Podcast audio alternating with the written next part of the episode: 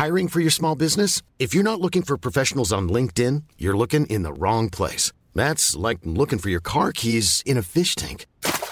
LinkedIn helps you hire professionals you can't find anywhere else, even those who aren't actively searching for a new job but might be open to the perfect role. In a given month, over 70% of LinkedIn users don't even visit other leading job sites. So start looking in the right place. With LinkedIn, you can hire professionals like a professional. Post your free job on linkedin.com slash people today.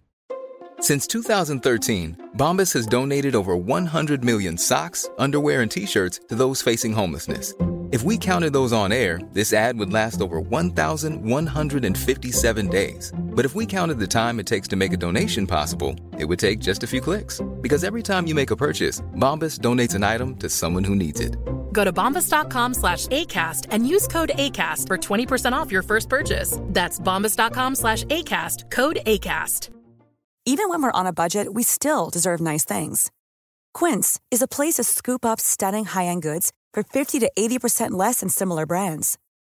They have buttery soft cashmere sweaters starting at $50, luxurious Italian leather bags, and so much more.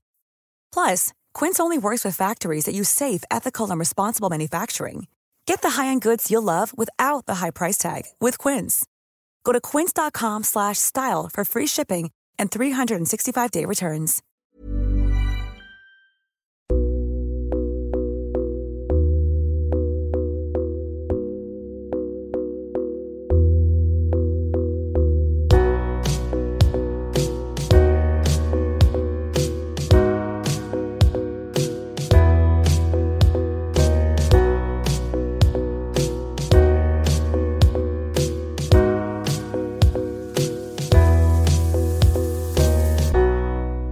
Du lyssnar på Säg vad du vill Åland, en lokal podcast med fokus på fria samtal.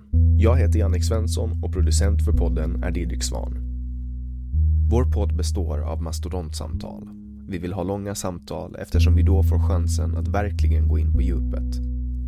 Idén är att fokusera på fria samtal. Det här är ingen debatt eller någon form av duell där det finns en vinnare och en förlorare. Det här är ett samtal där vi lägger fördomar åt sidan och där målet är att minska polariseringen. Vi tror att öppenhet är grunden för det demokratiska samtalet och vi vill uppmuntra dig som lyssnare att välja att exponera dig för samtal med någon du inte håller med om, hur triggad du än blir. Det kommer att diskuteras en hel del politik i den här podden och för att du som lyssnare ska slippa tänka på vad jag som programledare står politiskt kommer jag att med egna ord redovisa det för er. Jag tror på öppenhet även för min del. Min politiska bias, mina glasögon och min ideologi är frihetlig liberalism och jag är aktivt engagerad i politiken. Jag kommer att göra mitt bästa för att min partiskhet inte ska lysa igenom mitt uppdrag som programledare i den här podden. Men eftersom ingen människa kan vara objektiv så hoppas jag att ni med den här informationen kan åsidosätta mina eventuella brister och misstag. Det här avsnittet presenteras av Webax, hemsidor och innehåll. Jag heter Jannik Svensson och du lyssnar på Säg vad du vill Åland.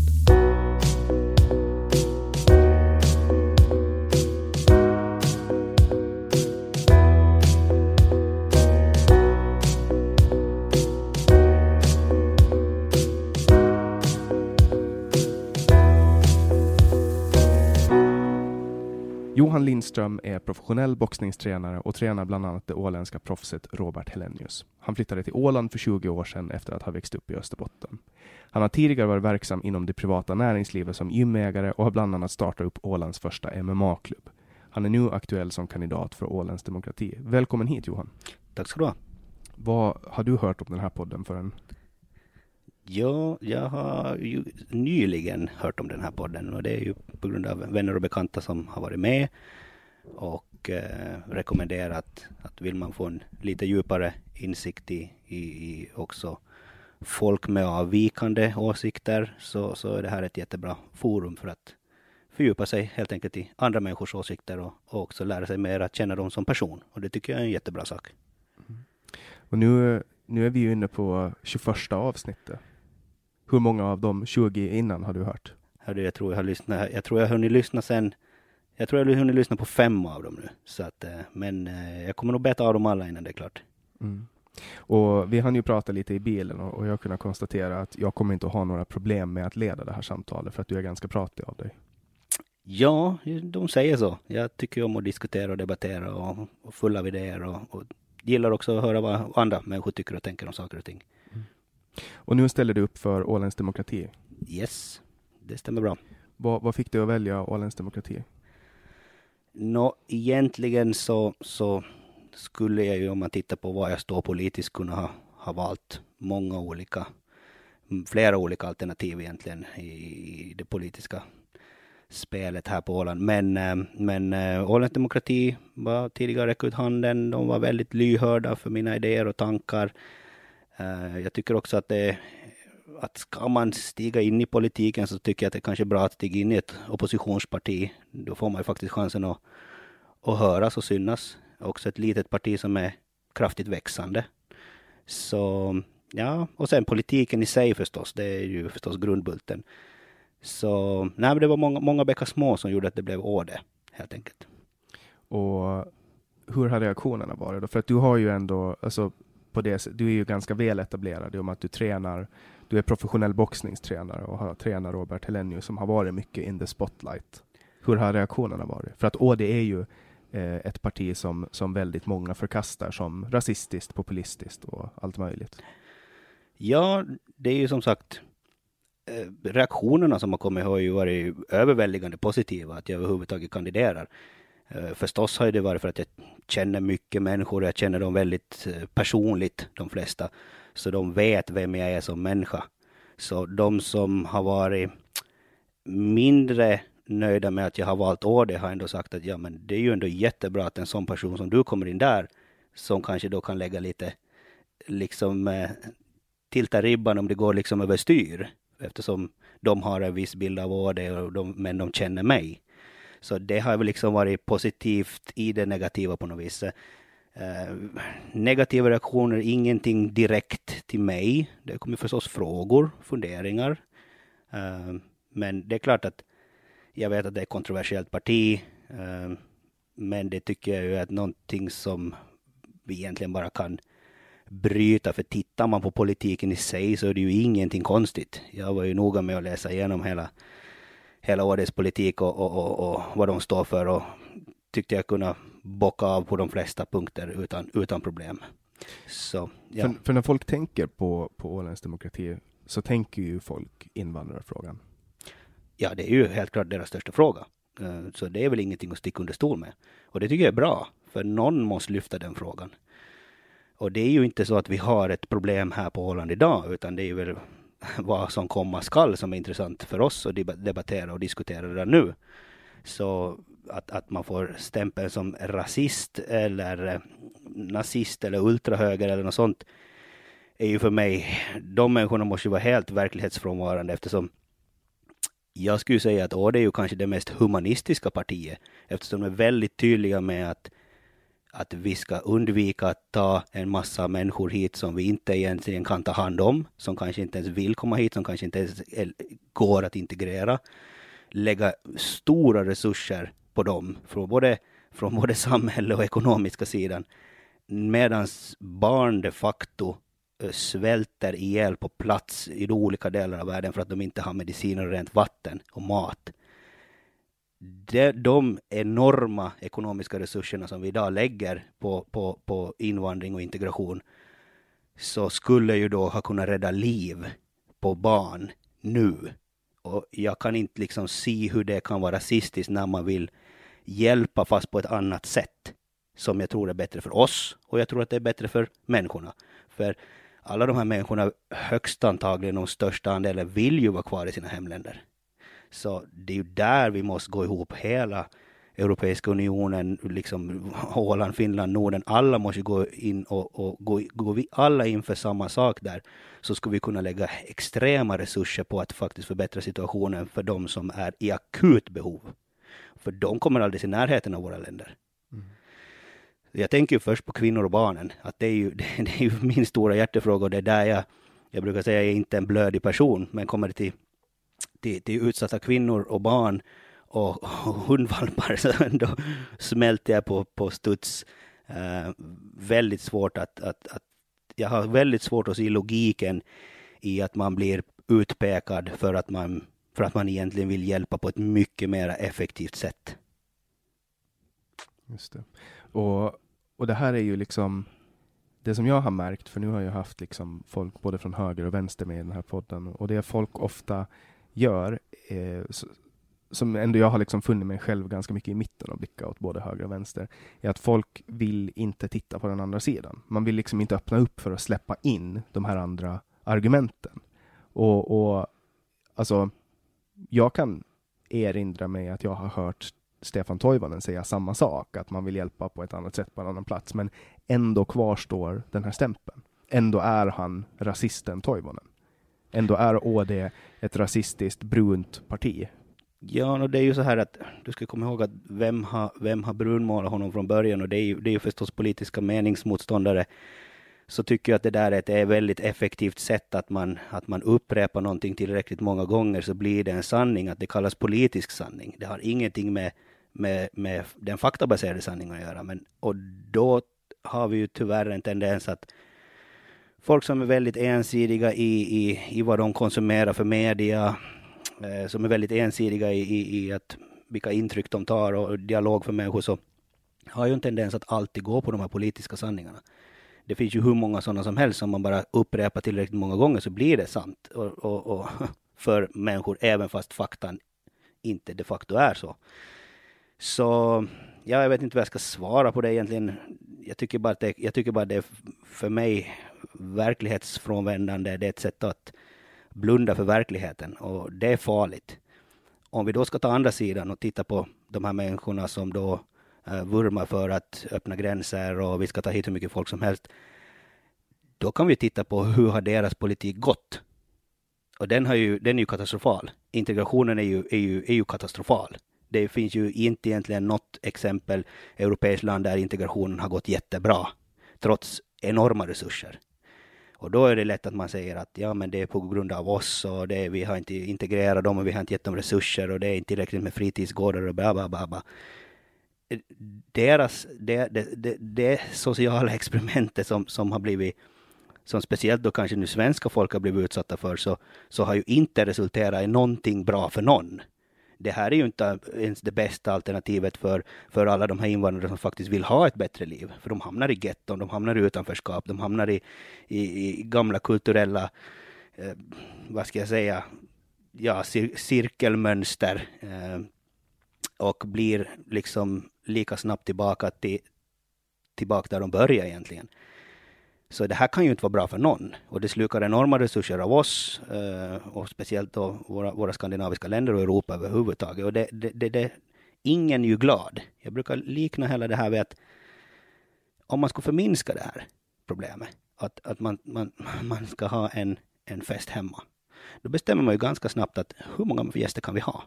Vi kommer inte kunna bjuda alla, fast det egentligen borde vara det, det enda rätta då enligt deras princip att alla får komma på festen varje gång.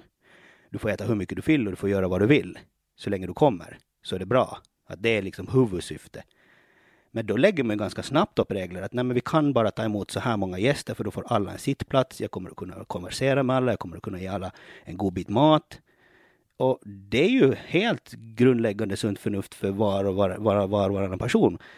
Och det gör ju då att, vi kommer att, att man kommer att ha en fest där det är jättetrevligt. Alla blev sedda, alla fick en konversation, alla blev delaktiga, alla fick mat, alla kanske får till och med sovrum. Gästerna åker hem nästa dag nöjda och glada. Allt är frid och fröjd. Förstorar man det här då till, till ett land och, och hur många människor man tar in som man sen inte har kapacitet att ens ge tak över huvudet. Så förstår jag att de här människorna är fruktansvärt besvikna på det som de trodde var det förlovade landet.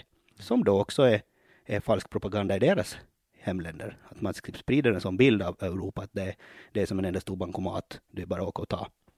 Och det, det, stämmer ju till viss del för de lyckliga få som, som lyckas rulla in i systemet på ett bra sätt. Så är det. Så är det. Mm. det, det för vi har ju liksom välfärdssamhället och vi har byggt upp det på ett sådant sätt med asylrätten och, och sen flyktingkvoterna.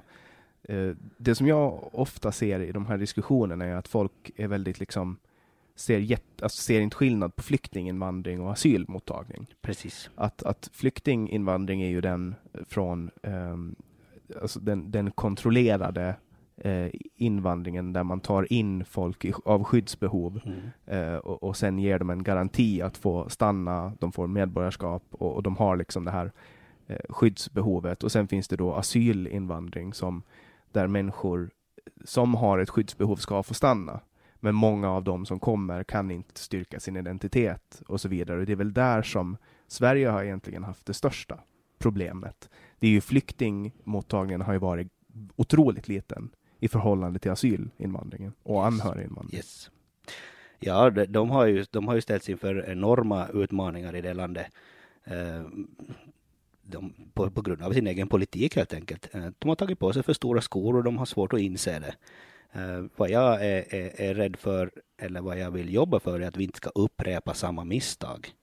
För, för mig veterligen så, så tar ju inte Åland emot, för vi har ingen asylmottagning. Att alla som kommer till Finland behöver skriva sig i typ Åbo eller Helsingfors och gå till Migrationsverket där. Att vi har ingen sån eh, mottagning. Att det finns liksom inga möjligheter att ta emot asylflyktingar. Nej, Utan det, att vi har bara tagit, vad är det, ett 20 stycken ja, eh, individer från, från, som är flyktingar, som har flyktingstatus. absolut, absolut. Och, och, och jag är jag är ju god vän med flera av dem som har, har kommit hit från, från, som är då kurder i, i grunden. Och där har jag haft många givande diskussioner och dialoger med, med, med, de, med de människorna och de som jag klassar som mina vänner till och med. Och, och, och det, där, där får man ju en mer nyanserad bild förstås. Att det, det är ju massor med människor som, som, som kommer och, och verkligen har behov av, av skydd. Och det är helt fine. Men när man har för lösa regler, man, man, man har inte tillräckligt med bakgrundskontroll, man kan inte stärka identiteter, man kan inte, st st man kan inte liksom styrka deras ålder. Sånt är ju helt katastrofalt när det sitter de facto 30-40-åriga män i gymnasiet. Alltså i Sverige, det, det, sådana här saker som, som måste man ju ta på allvar. Och det är ju allt sånt här så, så måste vi ju nu se till att det inte händer samma sak. Finland har ju haft en betydligt eh, stramare policy, en mera noggrann bakgrundscheck, varit mera noggrann med, med, med åldersbestämningen och så här. Men, men eh, det här problemet finns ju runt om i hela Europa. Så, så jag tycker att eh, ja, det är någonting som vi alltid behöver bara ha bakom örat. Eh, inte upprepa samma misstag som alla andra. För vi kan ju faktiskt vi kan ju faktiskt ha, ha, ha, ha vår egen lagstiftning här på Åland och vi kan bestämma mycket själva och det, det tycker jag vi ska göra. Att en annan aspekt med, med, med invandringen, om vi ska nog fortsätta raljera om den, så, så är det faktum också att eh, integrationen har ju totalt misslyckats på många ställen i Sverige. Det finns ju många områden och, och, och orter som no-go-zoner och Malmö är ju mer eller mindre katastrof. Eh, helt bidragsberoende idag. Vi ska komma ihåg att Sverige har ju gett, gett då medborgarskap till extremt många människor som inte ens de har kunnat styrka identitet eller ålder på. Eh, det är ju ingenting som säger att de här människorna kan ju sedan röra sig fritt i Europa. De kan flytta till Åland vilken dag som helst. Och vi vet ju egentligen inte vilka de här människorna är. Vi vet inte vad de har för agenda. Ehm, och det tycker jag är en fara. Vi har sett att terroristhotet är de facto ett riktigt hot. Det händer tyvärr. Så, så jag är så här. Min, min, min personliga inställning är att, att, att det vi inte kan kontrollera och det vi inte vet så ska vi vara väldigt försiktiga med att implementera. Vi har ett system som fungerar bra. Ehm, vi har ett väldigt väl fungerande samhälle och då är jag väldigt mån om att, att, att bevara det så gott det går till kommande generationer. Och det är igen, jag har två små barn och varje gång jag ser på dem så, så hålls den här elden kvar i mig att måste göra någonting. Vet du, jag, vill att lämna, jag vill lämna över ett Åland till dem som är lika underbart som det som jag fick komma till. Och det är liksom hela min målsättning. Mm. Och när, när jag hör dig prata så känner jag liksom att du andas ganska mycket finsk nationalism. Är det rätt eh, Ja. tolkat? Ja, det är klart, jag, jag, finsk nationalism. Jag skulle väl vurma för eh, europeiska värderingar, ska jag säga. Eh, den här nationalismen är väl större, större än Finland. Jag tycker hela, hela Skandinavien är väl i, i mina ögon ganska, ganska lika. Vi är mera lika än olika. Mm. Men du är soldat? Ja, ja, absolut. Jag har gjort militärtjänstgöring och eh, där jag är eh, utbildad i kustjägarkompaniet i Dragsviks brigad och specialutbildad skarpskytt, sniper då som vissa vill kalla det. Eh, så absolut, och det, det, jag är ju uppväxt i Finland, eh, uppväxt i Österbotten, så det, det, var ju inte så mycket att, att, att, välja där heller, men för mig så var det en, en eh, var militärtjänstgöringen otroligt givande.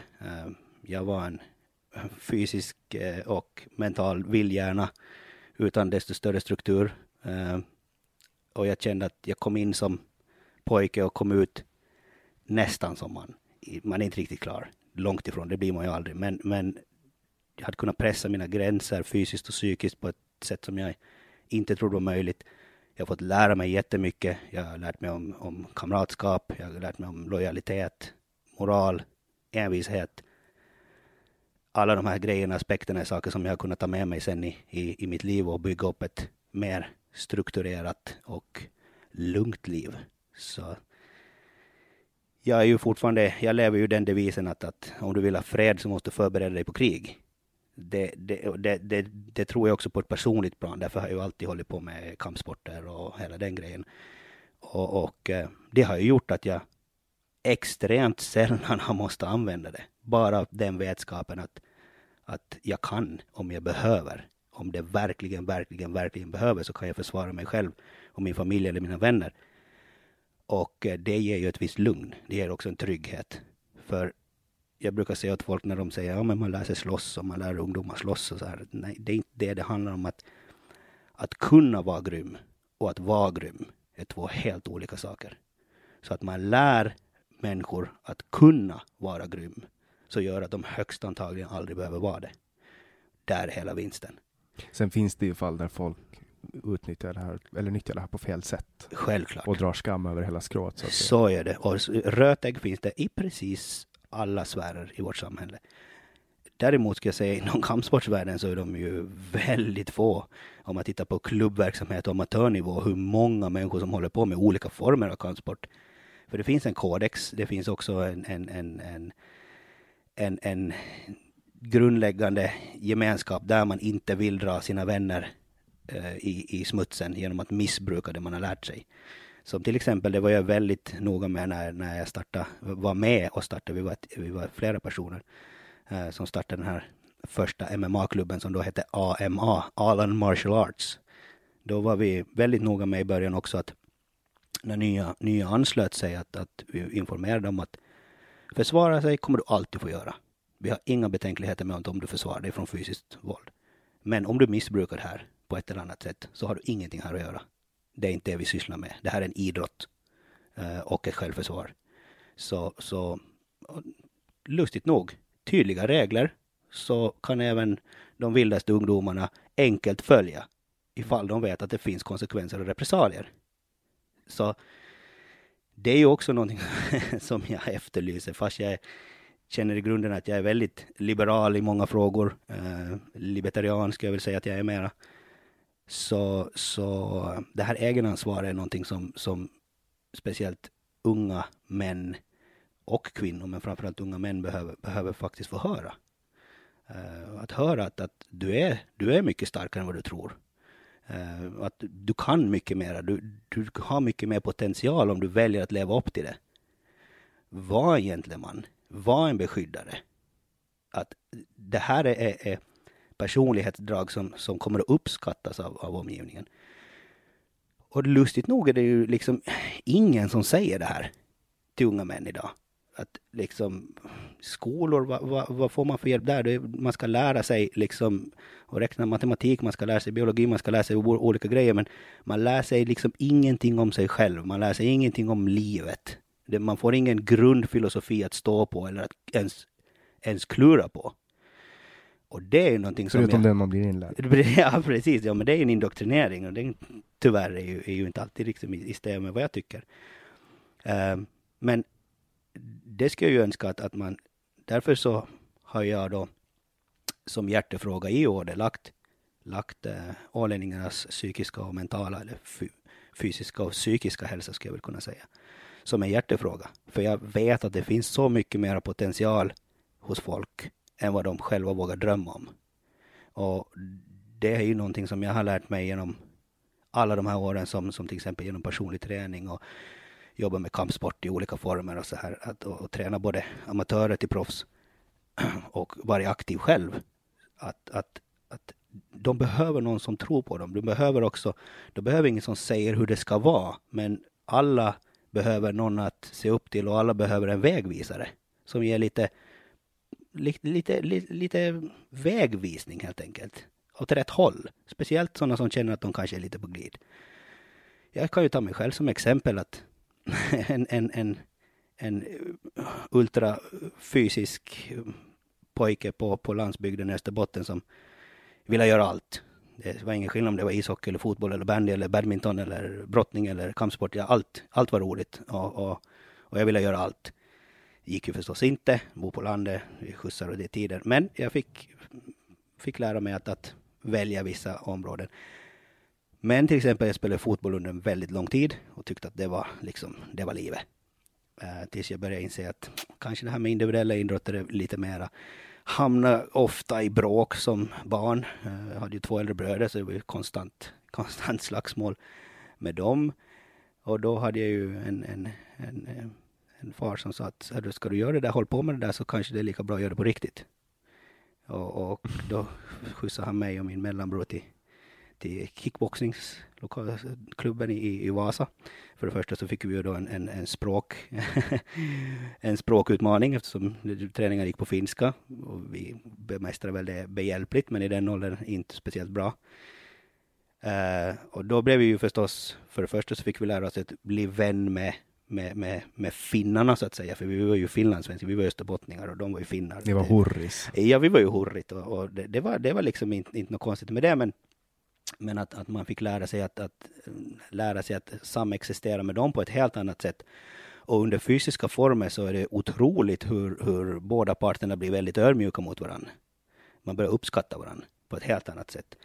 Plus att det var ett sätt att lära mig att kanalisera eh, känslor, ilska, vrede, eh, eh, hyperaktivitet på ett, på ett väldigt på ett väldigt bra strukturerat sätt där reglerna var ultratydliga. Det fanns liksom inget spelrum för egna utsvävningar och det passade mig just då väldigt bra.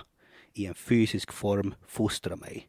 Och det gjorde ju att det blev liksom övre tonåren så lugnade man ju ner sig något radikalt. Det fanns ju ingenting som, som, som ska kunna trigga mig fast jag var, uh, var ute och festade med kompisar och grejer. Att det, det, det, det skulle liksom till till fysiska konfrontationer för att jag skulle liksom komma igång överhuvudtaget. Allt var frid och fröjd. Hade du potential att bli en ung kriminell med den energin du beskriver?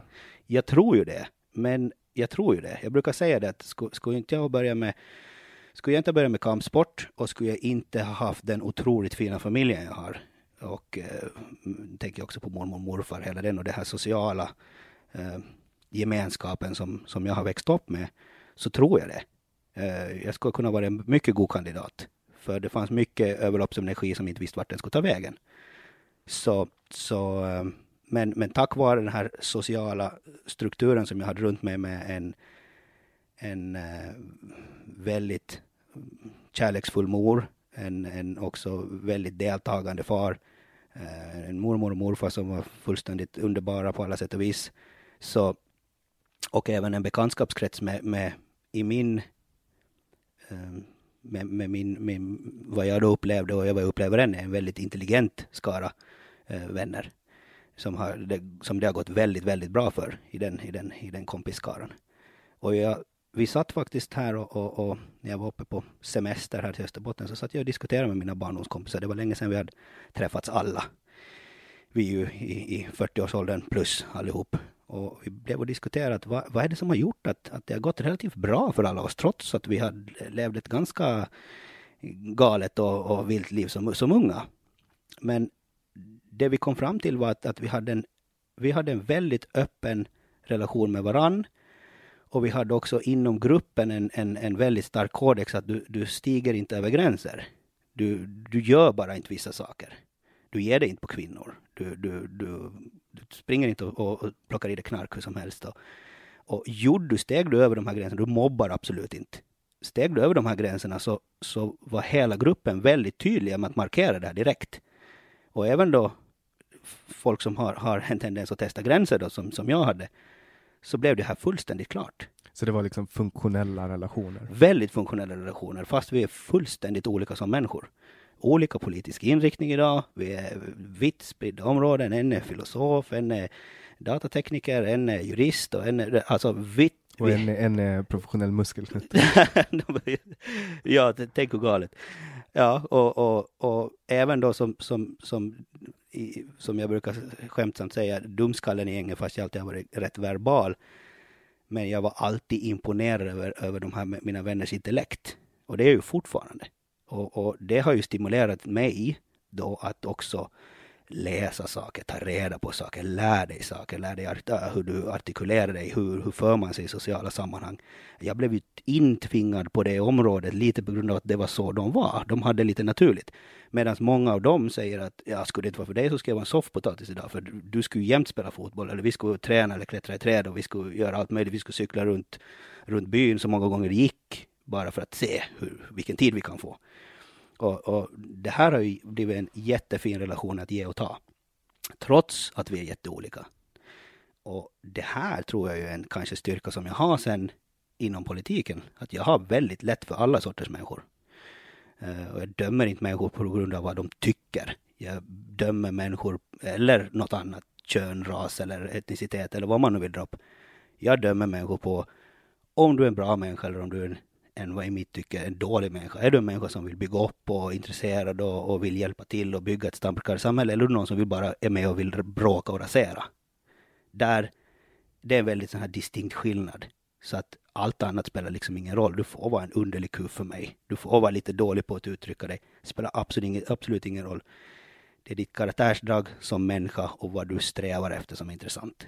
Och det tycker jag att vi lite saknar faktiskt inklusive jag många gånger, för jag blir rätt eh, kan bli rätt hård i tonen ganska snabbt på grund av en temperamentssak som jag har. Men det går aldrig överstyr.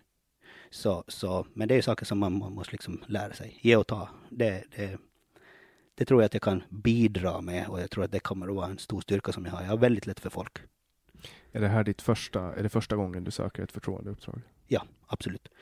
Aldrig varit aldrig varit liksom, jag har alltid varit politiskt intresserad, men jag har inte varit så intresserad att jag skulle ha vilja gå in och, och, och ta del av det på det sättet. Men efter många överväganden och funderade så satt jag och funderade och, och man måste ju komma ihåg att jag har ju varit en av, en av dem som, som gärna har häcklat och, och, och kritiserat politiker som, som kappvändare och som eh, ointelligenta och allt möjligt, dragit väldigt förhastade slutsatser. Jag har varit en av dem och är fortfarande till en viss gräns förstås. Jag har ju också fördomar som alla andra.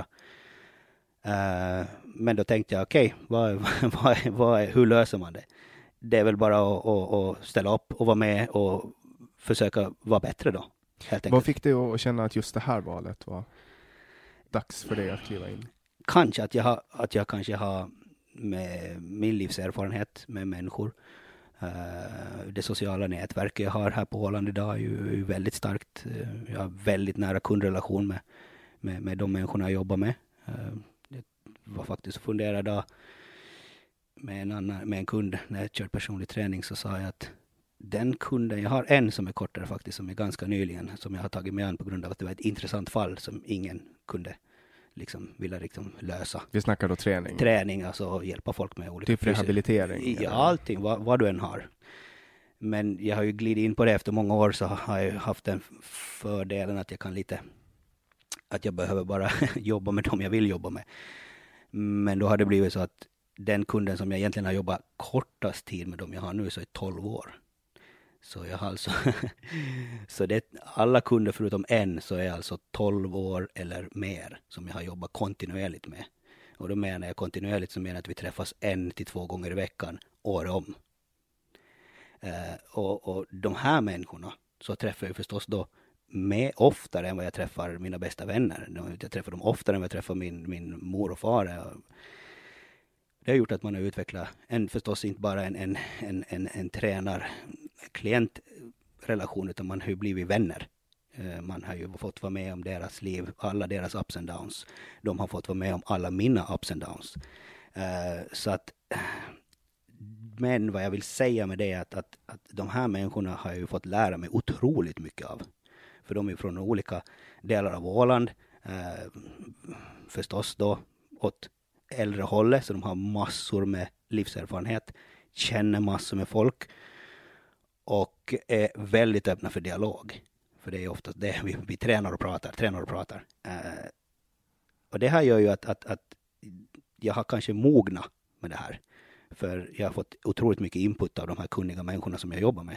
Jag har gett dem träning, nutrition, hälsa, rehabilitering och de, och de har gett mig insikt om livet. Och det är ju för evigt tacksam för. Och för pengar då såklart. ja, förstås, klart. Det är klart, det är ett arbete. Men du lever, du lever på träning? Ja, har jag gjort eh, i 20 år nu. Det, det är liksom det jag gör. Och de här människorna, så även fast jag började jobba med, med professionell boxning, när jag fick det erbjudandet, så, så gjorde jag ju så att då var jag ju fortfarande delägare i Träningsverket. Men för att kunna avsätta tid, eftersom det är väldigt tidskrävande, så, så, så sålde jag min, min del i, i Träningsverket för att kunna avsätta mer tid. Men jag kunde ju inte avsätta mina gamla kunder, utan jag valde att, att strukturera upp mitt liv så att jag kunde ha kvar de gamla kunderna som jag då vill vara lojal mot, för att de har varit lojala mot mig. Och även som jag anser att vi har en, en, en vänskapsrelation. Så det ger så mycket mer än vad det tar att gå till jobb för mig. Så att det, jag har absolut inga problem med det. det, det jag ser fram emot att gå på jobb varje dag. Tränar du andra inom boxning än The Nordic Nightmare, Hellenius? Nej, eh, det gör jag inte. Utan det är 100% Robert som det är fokus på. Och ni tränar här på Åland? Vi tränar här på Åland. Vi har ett eget, eget gym i, i, i Norrböle där vi, där vi kör på. Han och jag, brukar vi säga, han och, han och jag mot världen. Är lite roligt det är också. Det, det är också en sån där grej som, nej men det ska du inte börja på, det kommer aldrig bli någonting och hej, han har inte boxats på två och ett halvt år och massskador drabbar, att det där blir till ingenting. Att satsa på det här träningsverket som är säkert nu. Mm, och du vet, Den känner man igen? Ja, och min hjärna då så, så du vet, såg ju bara såg ju bara en stor utmaning med det då. Vad då, vad menar du? Menar du att den här människan inte har potential? Liksom, alltså, eller menar du att min kunskap inte räcker till? Vad, vad, hur, hur resonerar du? Nej, men man ska ju liksom tänka på familjen, tänka på karriären och så här. Så jag brukar säga det, det tog, han och jag började harva på. Vi började ju då förstås på träningsverket och vi tränade fys först och det skulle rehabiliteras en massa gamla skador. Men det tog ungefär ett och ett halvt år så var han Europamästare igen. Från att ha varit inaktiv över två år. Och när var det ni började? Eh, ja, det är nu snart fem år sedan. Så, och sen, sen har det ju gått upp och ner, mest upp. Vi har ju varit rankade nu. Robert var ju här innan vi var i USA och gick på förstås en svidande förlust där i, i slutminuterna. Så, så var han ju på In- International Boxing Federation, IBF då, var vi rankade nummer femma i världen i tungviktsboxning. Så Wow. att, och då ska man komma ihåg att 98 procent tid så harvar vi på, han och jag, två gånger om dagen träning, till I oftast Norrböle. tre i Norrböle och det är förstås på simhallar och löpbanor och allt möjligt annat också. Men eh, vi har inget stort stall, vi har ingen stor promotion, vi har inga sparringpartners här. Vi har, vi har, vi har våra huvuden, vår envishet och vår kunskapsbas. Och så har vi förstås en fantastisk manager, Markus Sundman, som, som, eh, som hjälper till att fixa matcher och sköta kontrakt och hela den biten. Men att, annars är det vi som sköter, vi, vi sköter träningen här. Så vi, vi brukar säga att det, mera, trots att vi båda då är invandrare, han är ju hemma från, från, från eh, Sibbo och jag är från öst, österbottning så Men han är ju så, han är ju så känd så att han är ålänning nu. Ja, ja, ja, ja eller hur? Ja, det, tog, lite, det tog lite längre för mig. ja, nej, han är ju, han är ju ålänning nu när man frågar. Ja, ja, han är från Lumpaland. Så, ja, så, nej, det är jätteroligt. Vi, vi, För jag sa ju i början det åländske ja, boxnings... ja, och det vi, vi anser ju att vi är holländska boxare. Att det, det är som, det är som jag brukar säga att vi, vi, vi är vi är ålänningar, vi är finlandssvenskar, för ålänningar klassas oftast inte som finlandssvenskar har jag förstått. Men så jag brukar säga det finns ålänningar, det finns finlandssvenskar och så finns det finnar. Men vi är alla finländare Mm. i ett stort paraply över det hela. Men sen får man ju vara, jag känner mig åländsk idag. Sen kan man ju vara lumparlänning i Jommalabo. Ja, man kan ju förminska det, man kan ju ta det hur smått som helst. Och det är ju- Strandnäs. Ja, Strandnäs rules, vet du. Man Södra kan ju... Strandnäs. ja, och det, det är helt fine för mig. Att jag, tycker att, jag tycker det är charmigt när man är lite lokalpatriotisk. Jag, tycker, jag ser inga fel i det att vara stolt ålänning. Jag tycker det är en fantastisk sak. Människan har ju ett behov av att, att finna eh, identifikation i en, i en grupp. Helt klart, vi är ju vi är sociala djur och vi behöver, vi behöver det helt enkelt. Det är så vi, det, det är så vi, vi, vi samexisterar. Att ensam är stark men tillsammans är vi starkare. Så, så jag, jag ser liksom inga fel med det så länge man inte börjar rikta fingret mot andra grupper eller andra då byar eller länder eller att man börjar rikta fingret och säga att de är sämre. Det är ju inte det det handlar om. Det handlar om att vi är stolta över vem vi är. Vi är glada över det, vad vi har byggt upp och vad vi har åstadkommit. Men det betyder ju inte att någon annan är sämre. Eh, det där vill ju många ta när man pratar om nationalistisk synpunkt, att det ska vara någonting dåligt. Det är väl en jättefin, någonting att samlas kring. Jag brukar säga även den minst nationalistiska människan, så helt plötsligt när Finland vinner hockeyguld, så då jäklar. Att, Mm. Det vet man ju själv. Jag, Ja, ja, ja, ja herregud. Ja. Det, och det är ju helt, det är ju helt fint att liksom vara var stolt. Jag tycker ju att alla människor ska vara stolta över vem de är. Oavsett om du kommer från Chile eller Paraguay eller Afrika eller var du än kommer så jag, jag, jag tycker att har människan en stolthet i sig så, så vill man ju oftast då framhäva det bästa från sin kultur. Och eh, det, det är någonting fint och det är någonting bra och det tycker jag alla ska ha. Hur ser en vanlig arbetsdag ut för dig då?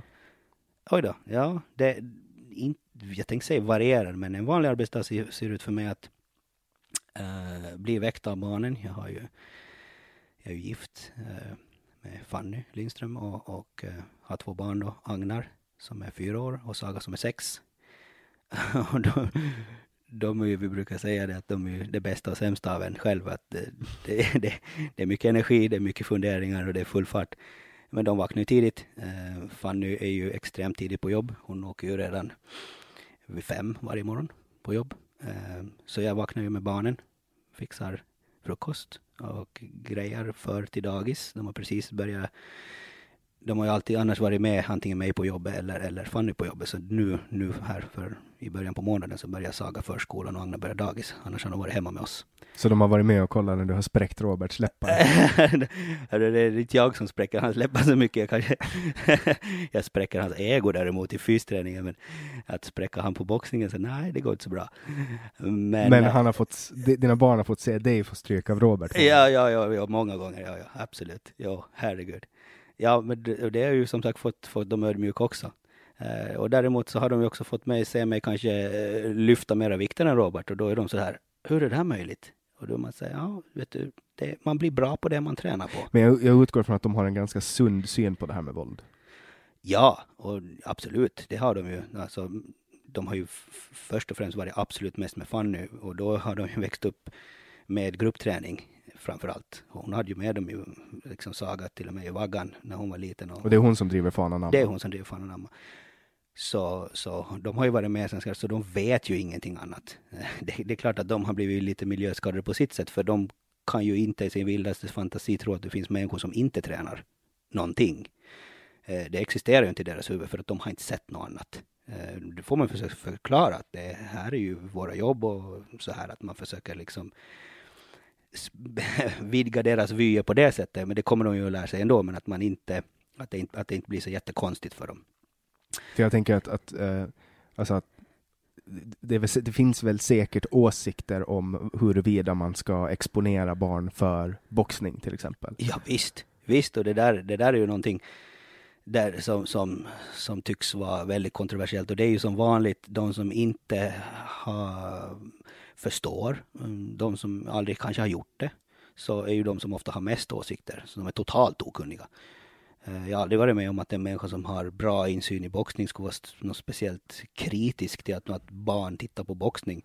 Och Sen Det- ska vi också komma ihåg att, att under den största delen av mänsklighetens historia så har man ju även tränat barn som soldater och inom jakt ända från barnsben. Liksom. Absolut, och det är ju, det är ju fint. Jag brukar säga så här att, att om, om, man, om man istället för att avskärma barn från saker och ting så tycker jag väl bättre att man, att man lär dem hur man ska hantera det. Det, det är ju, det jag brukar säga så här att samma människor som som då hävdar att boxning är, ska vara, eller annan kampsport ska vara jättefarligt och det är inte bra för barn att exponeras för det. Att det, de lär sig slåss och de kan hamna i trubbel och det kan gå illa och så råkar de slå någon och så dör de. Så jag brukar säga, men har du dina barn på simkurs? Jo. Ja, så du exponerar dem för vatten. Vet du hur många människor som drunknar varje år? Det är ju, där har vi ju klassiska exempel där det går som det ska. Varför har vi barn på simkurs? Inte det bara för att det är kul, utan vi vill ju också lära dem att simma. Så att ifall de hamnar i, ett, i, i, i vattnet på ett eller annat sätt så drunknar de inte. För de kan simma och de kommer att kunna hålla ett lugn. Det är överlevnad. Så att, att utsätta barn och att lära dem hantera de här farliga situationerna är ju i mitt tycke mycket mer produktivt än att försöka än att försöka skydda dem. Du kommer inte kunna vara där och skydda dina barn hela livet. Sen finns det också inbyggt i DNA vissa saker som vi skyddar folk ifrån. Vi går ju inte runt och visar snoppen till folk på stan för att vi har någon form av skam inbyggt och det är ju samma sak med barn. Att man, man håller inte på, man, man, har inte sex i samma rum som ett barn till exempel. Precis. Att det är någonting som är inbyggt, att man förstår det ända från att vi var djur. Att mm. det här ska man skydda barn ifrån. Ja, absolut. Uh, och, och, men om du tänker på det så är det ju kanske ganska kort tid som vi kanske har gjort det. Sist och slutligen. Jag menar, tusen år tillbaka så var ju kanske den här synen på, på sex en helt annorlunda sak och alla so, bodde och sov i samma rum. Mm. Eh, men, men det, tusen, kom, det, det, kom, det kom in med kristna värderingar så har förstås allt det här kommit in och jag tycker att det är en helt bra sak. Eh, det är någonting som man kanske behöver vara lite mer mogen för att upptäcka, för det är någonting som du ändå inte ska utsättas för eller exponeras för förrän du är lite mer mogen. Men eh, vatten, eh, våld, så kan du utsättas för mot din vilja när som helst. Eld. Eld framförallt och lär dem hantera elden. Trafiken. Ja förstås. Och det är precis samma sak där. Så, för allt det här är ju vuxengrejer. Liksom. Allt det här är vuxengrejer. Men vi vill ju ändå, vi vill ju ändå liksom lära dem grundläggande grundläggande kunskap inom området för att de ska kunna skydda sig själva. Mm, sjövett. Absolut, och det är ju jätteviktigt här, speciellt när vi har vatten runt alltihop. Så allt sånt här är ju, är ju, är ju intressanta saker. Uh, och jag märker att du är ju lika dålig som jag på att hålla dig till sak, för att nu har du frågat om min dag. Men det är ju det som, det är också det som är meningen, det ska ju sväva. Ja, jag vet, men jag det, ska ju vara det här att, är min klassiker, att jag kan absolut inte hålla mig till sak. Nej, men det ska vara som att du och jag sätter oss ner och så dricker vi kaffe och, och, och sen får folk lyssna på ja, det i efterhand. Perfekt. Och, och det roliga är ju att folk finner ju värde i det. Ja. Det var ju som du sa tidigare, den här idén blev ju söndersågad. Alltså jag blev sågad vid fotknölarna. Folk sa till mig, inte en jävel kommer att lyssna på din podd. Och det här är alltså ordagrant. Två timmar. Vem fan skulle orka lyssna på två timmars snack? eh, och nu är vi ja. Ålands största podd, mig veterligen. Ja. Eh, Härligt. Så det, det är liksom eh, folk tycker om det här långformatet. Folk gillar att fördjupa sig. För att du vet vanligtvis, du kanske har varit med på radio eller någonting och så får du fem minuter. Ja. Och, och, du vet fem minuter, det är som en rap. Sen är man liksom, man har inte en skrap. Nej, man hinner inte säga någonting. Jag tycker det här är skitsmart eh, format och jag gillar ju att lyssna på poddar överlag. Jag lyssnar på jättemycket på poddar. Jag har följt till exempel Joe Rogan och sådana här som jag har följt.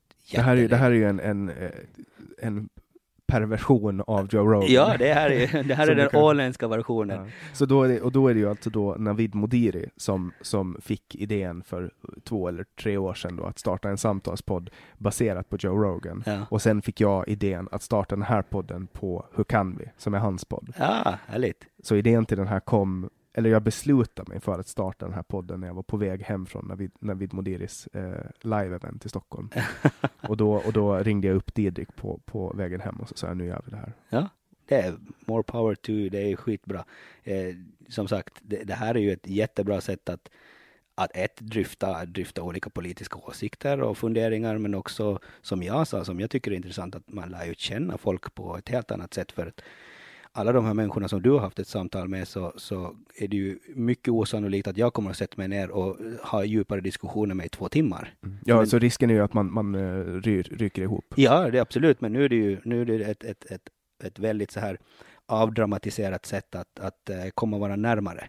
Och jag gillar ju att lära känna personerna bakom, så att uh, det, det, det, tycker jag att gör mig mer ödmjuk inför, inför kommande samtal eller, eller samarbeten som jag hoppeligen ska bli.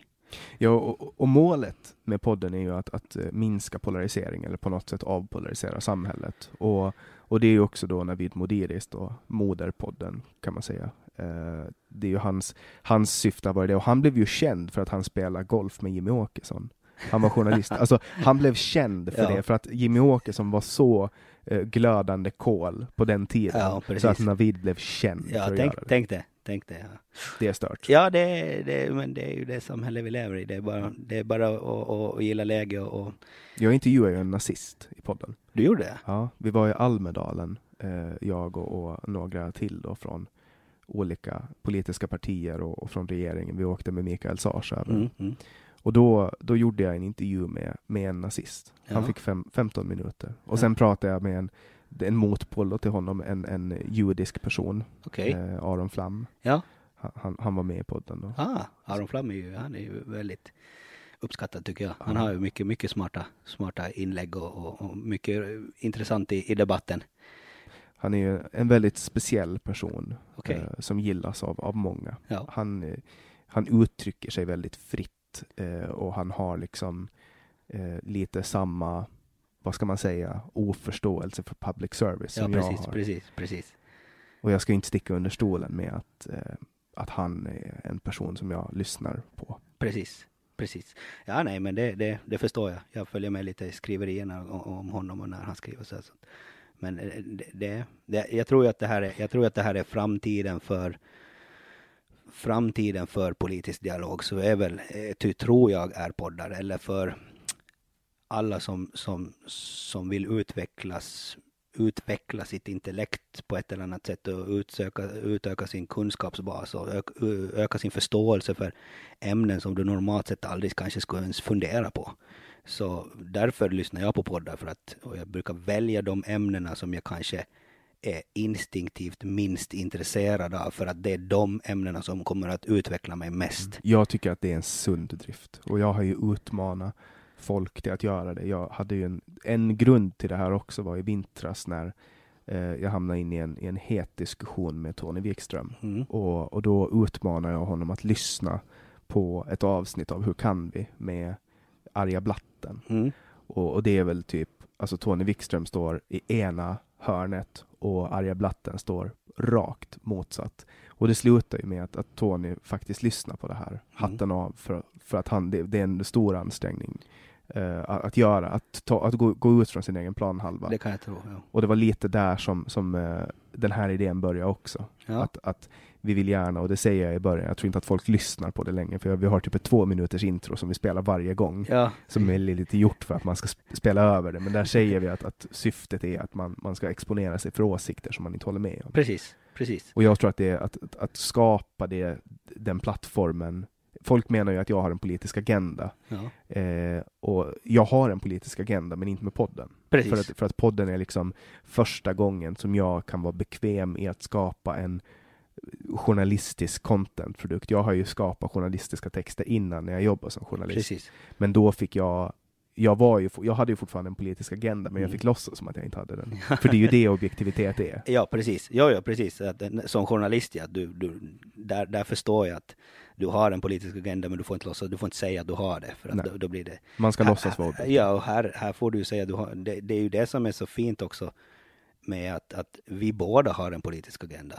Men man kan ju faktiskt mötas som människor också. Det får ju, det får ju, det får ju ett samtal, får ju snurra mellan politiska funderingar och mera personliga saker. Och det, det, är, väl det, som, det är väl det som handlar om, om att, att som människa komma, komma närmare varandra och öka förståelsen istället. Och jag pratar ju med alla. Ja, vet, men ju- sen är det, det är många som inte pratar med mig. Det, det finns ett antal etablerade personer inom det politiska livet på Åland som inte hälsar på mig. Och som, som konsekvent ignorerar eh, mig när jag tilltalar dem och så. Intressant. Eh, Jag ser ju fram emot att träffa alla sådana människor för det skulle vara kul att komma in i, i, i den trångsynta sfären, hjärnan, som de människorna måste ha. Det måste ju vara otroligt eh, det är ju egentligen, jag kan förstå att, att det, det ur ett intellektuellt perspektiv så måste det ju vara ganska bekvämt att vara så. För att då behöver du ju aldrig exponera dig för, för tankar eller idéer eller sånt som triggar dig eller som gör dig upprörd eller som gör dig ledsen eller som du kanske inte vet eller kan. Så jag kan tänka mig att det där är ju ett jättebekvämt sätt att, att, att skydda sig själv, att, att avskärma sig Ja, man skyddar ju sin värld. Ja, Och precis. så har ju, jag har ju varit fast i det under sex, sju år av mina, mina första politiska år så, Precis. så var jag i det. För att jag på något sätt var ju anpassningsbar och anpassade mig in i den formen, den modellen. Precis. Men, Men- du ska komma ihåg också att du är ju också väldigt ung. Ja, det, det är jag. I förhållande. I förhållande, ja. I förhållande till, om vi, det är ju det är kanske jag också i förhållande till, till de etablerade politikerna. Så, så är vi ju, så jag är ju som sagt bara 39 men jag har förstått vad du är 20, 25. 25 ja.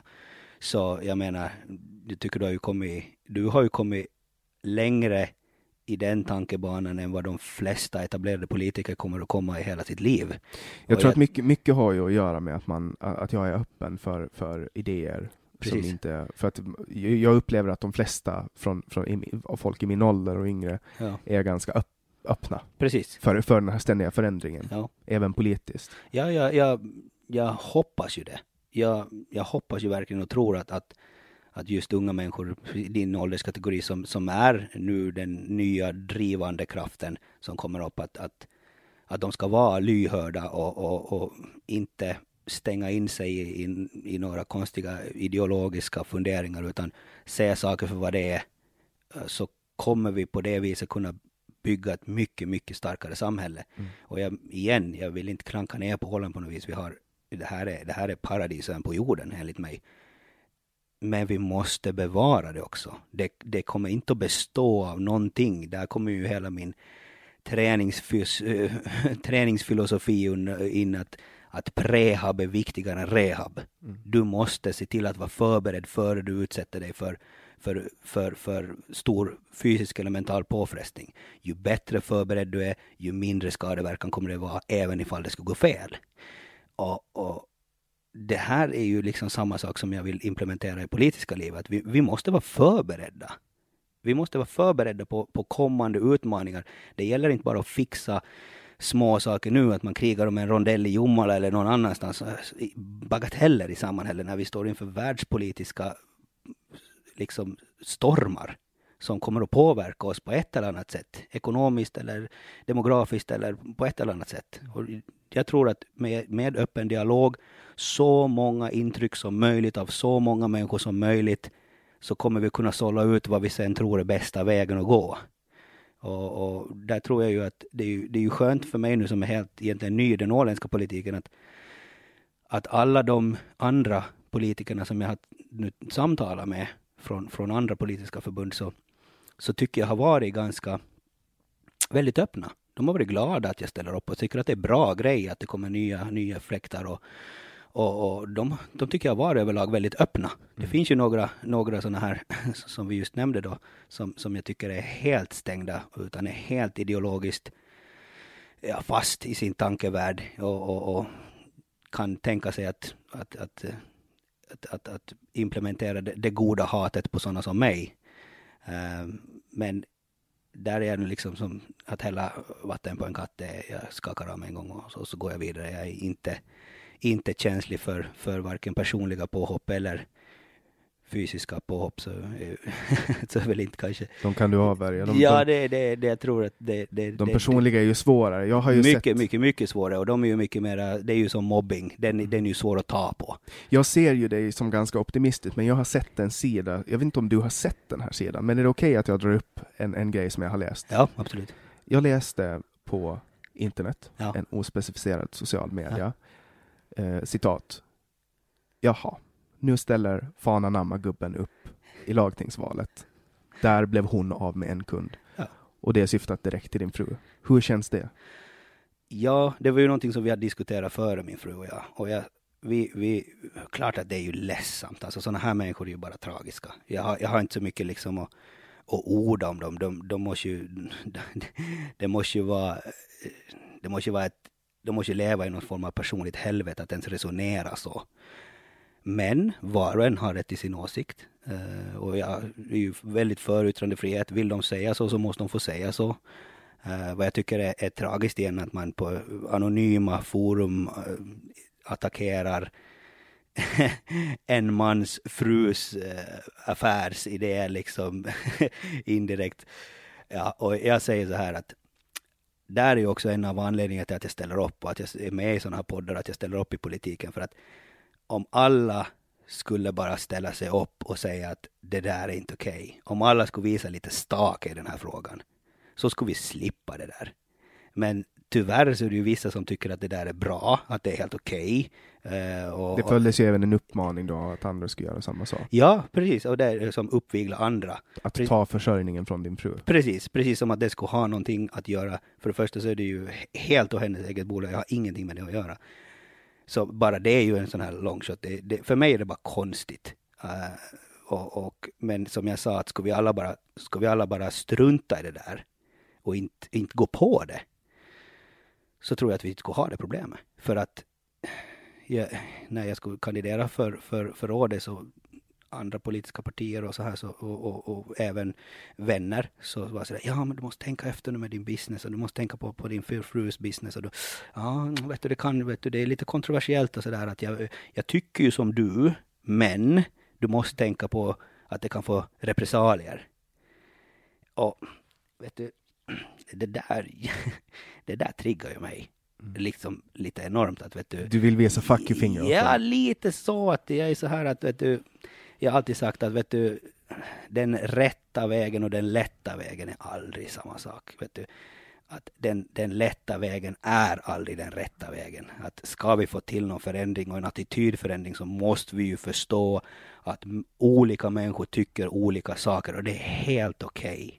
Så länge du inte implementerar eh, våld eller eh, fysiskt liksom hoppa på folk eller också försöker underminera dem som människor för vad de tycker. Så ja, jag vet inte riktigt, jag vet inte ens riktigt hur jag ska uttrycka det där för att för den mentala det, biten är ju nästan värre än den fysiska. Ja, den fysiska, den fysiska är ju egentligen, vi har, det är ju ett icke-problem. Jag, jag känner inte till någon som ska blivit fysiskt attackerad här. Har du blivit? Okej. Okay. Ja, jag räckte upp handen. Ja. Ni, ni andra ser inte ja, som lyssnar, men jag blev fysiskt eh, utsatt två gånger förra valrörelsen. Det är så? Eh, båda gånger var på krogen. Okay. Eh, på, på Arkipelag och det var vid olika tillfällen. Okay. Eh, första gången så var det en kille som kom fram till mig och så tog han tag i, i min hals då, och så tryckte han in mitt adamsäpple. Han ströp mig inte, men han tryckte in min strupe liksom, så att det knakade. Och andra gången så fick jag en smäll i, i magen på, på rökrutan. Ja, så du? Ja, nu, nu går jag inte på krogen längre, så jag tror att det kan ha en, en uh, att det kan finnas en, en korrelans mellan de två. Ja, ja, absolut. Eh, ja, det, det, var helt nytt för mig. För alkohol tar ju faktiskt fram den värsta sidan. Ja. Men sen har jag också fått, jag har också fått stryk för att jag har varit journalist en gång. Jaha. Det var också på krogen, så allt det här hände ju på krogen. Ja, ja, det, nu har det, inte jag det, satt en fot på en krog på tre år. Ja, men, men igen, du ska ju kunna gå på krogen. Mm. Det, är ju, det är ju min fasta åsikt och, och där är ju, fast du och jag då skulle tycka vitt skilda åsikter i någonting så, så, så är ju jag en sån person som skulle vara den första som skulle ställa mig i vägen och säga att, att vad fan håller ni på med? Att det, det, här är åsikter. Du vet ingenting om människan bakom. Vet du, att det, alla har rätt till den.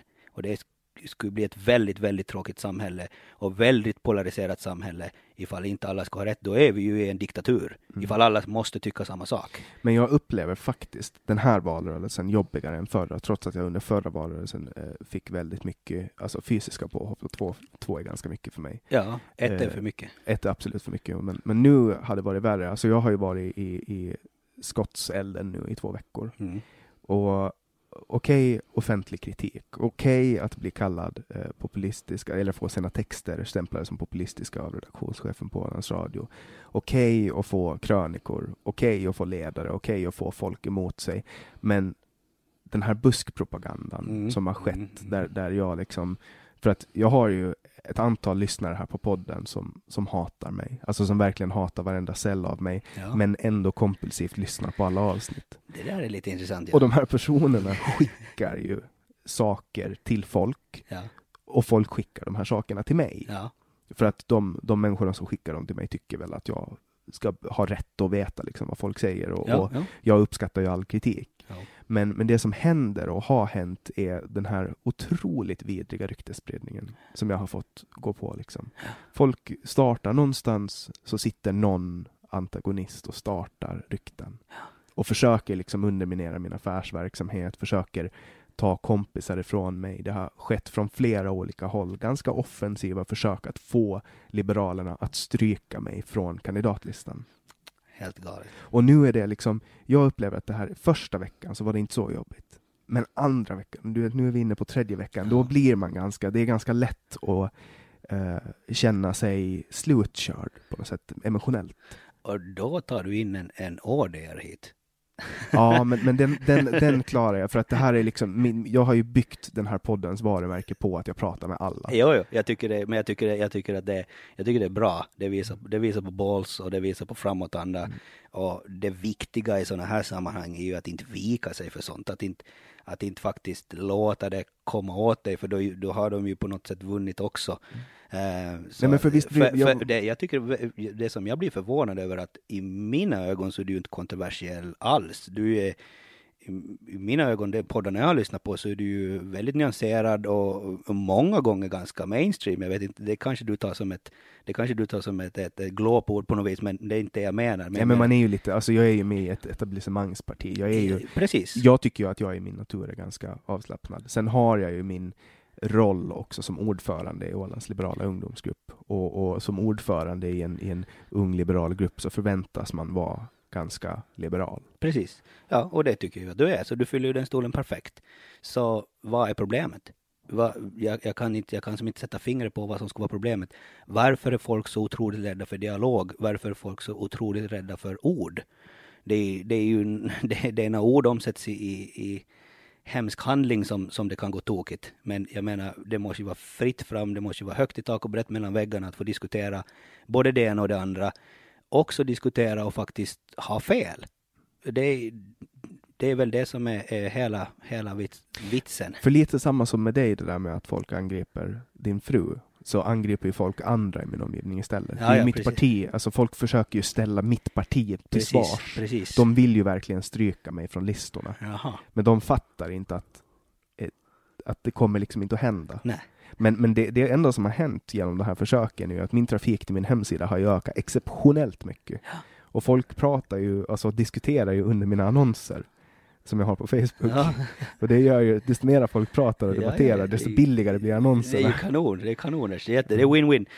Nu kan jag dra parallellen till boxningen, vi brukar säga det där att, att, att, när, vi ska, när vi ska ha matcher så är det ju alltid en viss del av publiken som kommer dit för att se Robert vinna. Och så är det alltid en, en viss del i publiken som kommer dit och se han förlora de är alla kunder, de är alla betalande ja. kunder. Det är hur bra som helst.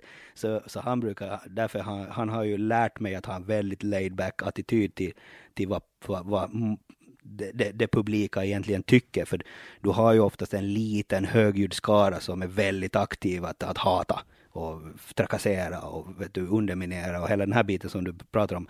Vi ska komma ihåg att de här människorna är otroligt få, mm. sist och slutligen, som håller på med det här. Så att, eh, de så hörs att, mycket mer. De hörs ju mycket mer. Det är en liten skrikande skara. Men de är också konsumenter. Så att, fine. Ja, och bärare av ens varumärke, de nyttjar ju sina kanaler mm. till, att, till att marknadsföra ens eget budskap. Precis. Och då kommer ju även, det kommer ju en liten del av deras nätverk kommer ju att, att finna sympati i det de marknadsför. Precis. Även om det de gör är att lyfta upp en dålig sida. Ja, ja. så ja, man, får ju, man får ju kanske ta det. Men, men sen är det ju lite annorlunda. Du och jag har ju två helt olika utgångspunkter. Du är ju opposition ja. och, och jag får ju ständigt brottas med att folk ska konfrontera mig angående vad regeringen har gjort. Precis. Och då ska jag helt plötsligt få stå till svars för vad Nina Fällman och Camilla Gunella har gjort i regeringen. Liksom. Precis. Precis. Och, och det, det tycker jag är liksom det var ju helt annorlunda förra valen när vi hade Liberalerna suttit i opposition ja. och så gick vi in som utmanare. Det är riktigt, riktigt stor skillnad. Ja, jag kan tänka mig det. Ja, det är ju intressant den här dialogen vi har nu för att jag har ju fått lära mig jättemycket nu om, om, om eh, spelet bakom och hur det funkar och lite så här. Så att det är ju det här som, som jag hela tiden upprepar mig själv med att det är så bra. Hoppeligen så har ju, har ju både du och jag fått ut någonting av det och hoppeligen så får ju lyssnarna ut någonting av det kanske kan man liksom lite någon som kanske är lite sluten kanske öppnar upp lite. Mm, det kanske man retar upp någon. Ja, det, det, får man, man men, får det, men det är också helt okej. Okay, för att det, alla, reak, alla reaktioner är ju, är ju, egentligen bättre än ingen reaktion. Mm. Det är ju, det är ju, det, är ju döden. Det, jag brukar säga, det, det värsta du kan göra till ett barn eller en hundvalp, det är att ignorera dem. Ja. Det, det, är ju, det är ju absolut det värsta du kan göra. Att helt bara strypa ut dem. Liksom, de finns inte. Och, och, och, det gäller väl både dig och mig nu då också, som, om, om jag ger mig in i det här och, och lyckas någorlunda att man blir en offentlig person på det sättet så, så, så vill jag ju ha reaktioner. Jag vill ju att folk ska också konfrontera mina tankar. Jag vill ju att folk ska ifrågasätta varför jag tycker och tänker på vissa sätt. För det gör ju att jag måste tänka på det en gång till. Har jag nu tänkt på allt? Jag måste också lära mig att artikulera de här sakerna som jag nu har gått och tänkt på under många, många år, men aldrig egentligen satt ord på. Så det är ju nytt för mig. Att... Jag tycker att du har kommit ganska långt på vägen. Jag vet många som, som har varit engagerade länge i politik som har svårt att sätta ord på saker så lätt som du har, naturligt. Ja, det tackar jag för. Det, det uppskattar jag. Det nu kommer folk tycka det, att vi det, sitter och runkar av varandra. Det, är ju för att, jag har, för att både, både du och jag är vana att ha en dialog med folk. Ja, Eller hur? Ja, men så kan det vara. Ja, jag så, pratar ju mycket med folk. Ja, och det så gör jag också, hela dagarna. Alltså om inte jag har, om inte jag, om jag typ, om Kajsa är borta, hon är ju ofta ganska, eh, hon är ganska ofta nere i Småland och hälsar ja. på sin familj eh, och jag blir ensam, då kan jag liksom gå ut, alltså när jag är här på Åland så kan jag åka till SO och köpa en kaffe och bara prata med folk. så. jag, jag, jag, jag, jag, där, där skiljer vi oss då. För när jag sen, jag har ju så också otroligt socialt arbete och får träffa fantastiska människor varenda dag. Så när jag sen kommer hem så vill jag bara vara själv vet du, eller själv, jag vill vara med min familj. Jag har som inget behov av socialt umgänge mera. In, inte desto mer absolut närmaste vännerna förstås, men det är inte så att jag söker det någonstans. Jag har aldrig Pl känt det, att jag vill vara ensam. Är det så? Ja, jag, jag har ofta så. Därför tycker jag om att vara ute och fiska och jaga och grejer också. Man får, man får strö, stro sånt kring i skogen med sin hund och man vet att det står passkyttar lite här och där och, och väntar och, och, man försöker leverera ett rådjur åt dem. Så jag går ju alltid som hundförare för jag, jag har ju inte råd att stå på pass.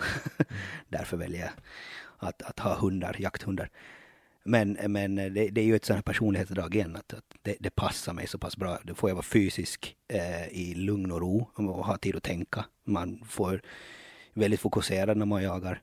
Eh, men det är, det är någon form av meditation i det för mig. Det, det, det finns ett lugn och det finns någonting som är eh, äkta. Att vara ute i naturen och jakt och fiske så är för mig det mest äkta vi kan göra. För du kan inte kontrollera djuren och naturen fast hur mycket du vill. Du kan försöka förutspå den, du kan försöka lära dig mer om den, du kan försöka bemästra den, men du kommer aldrig kunna, du kommer aldrig kunna bygga upp det så att det blir exakt så som du tycker och tänker eller vill. Som jag menar, därför så kan jag tycka att städer är charmiga en dag eller två.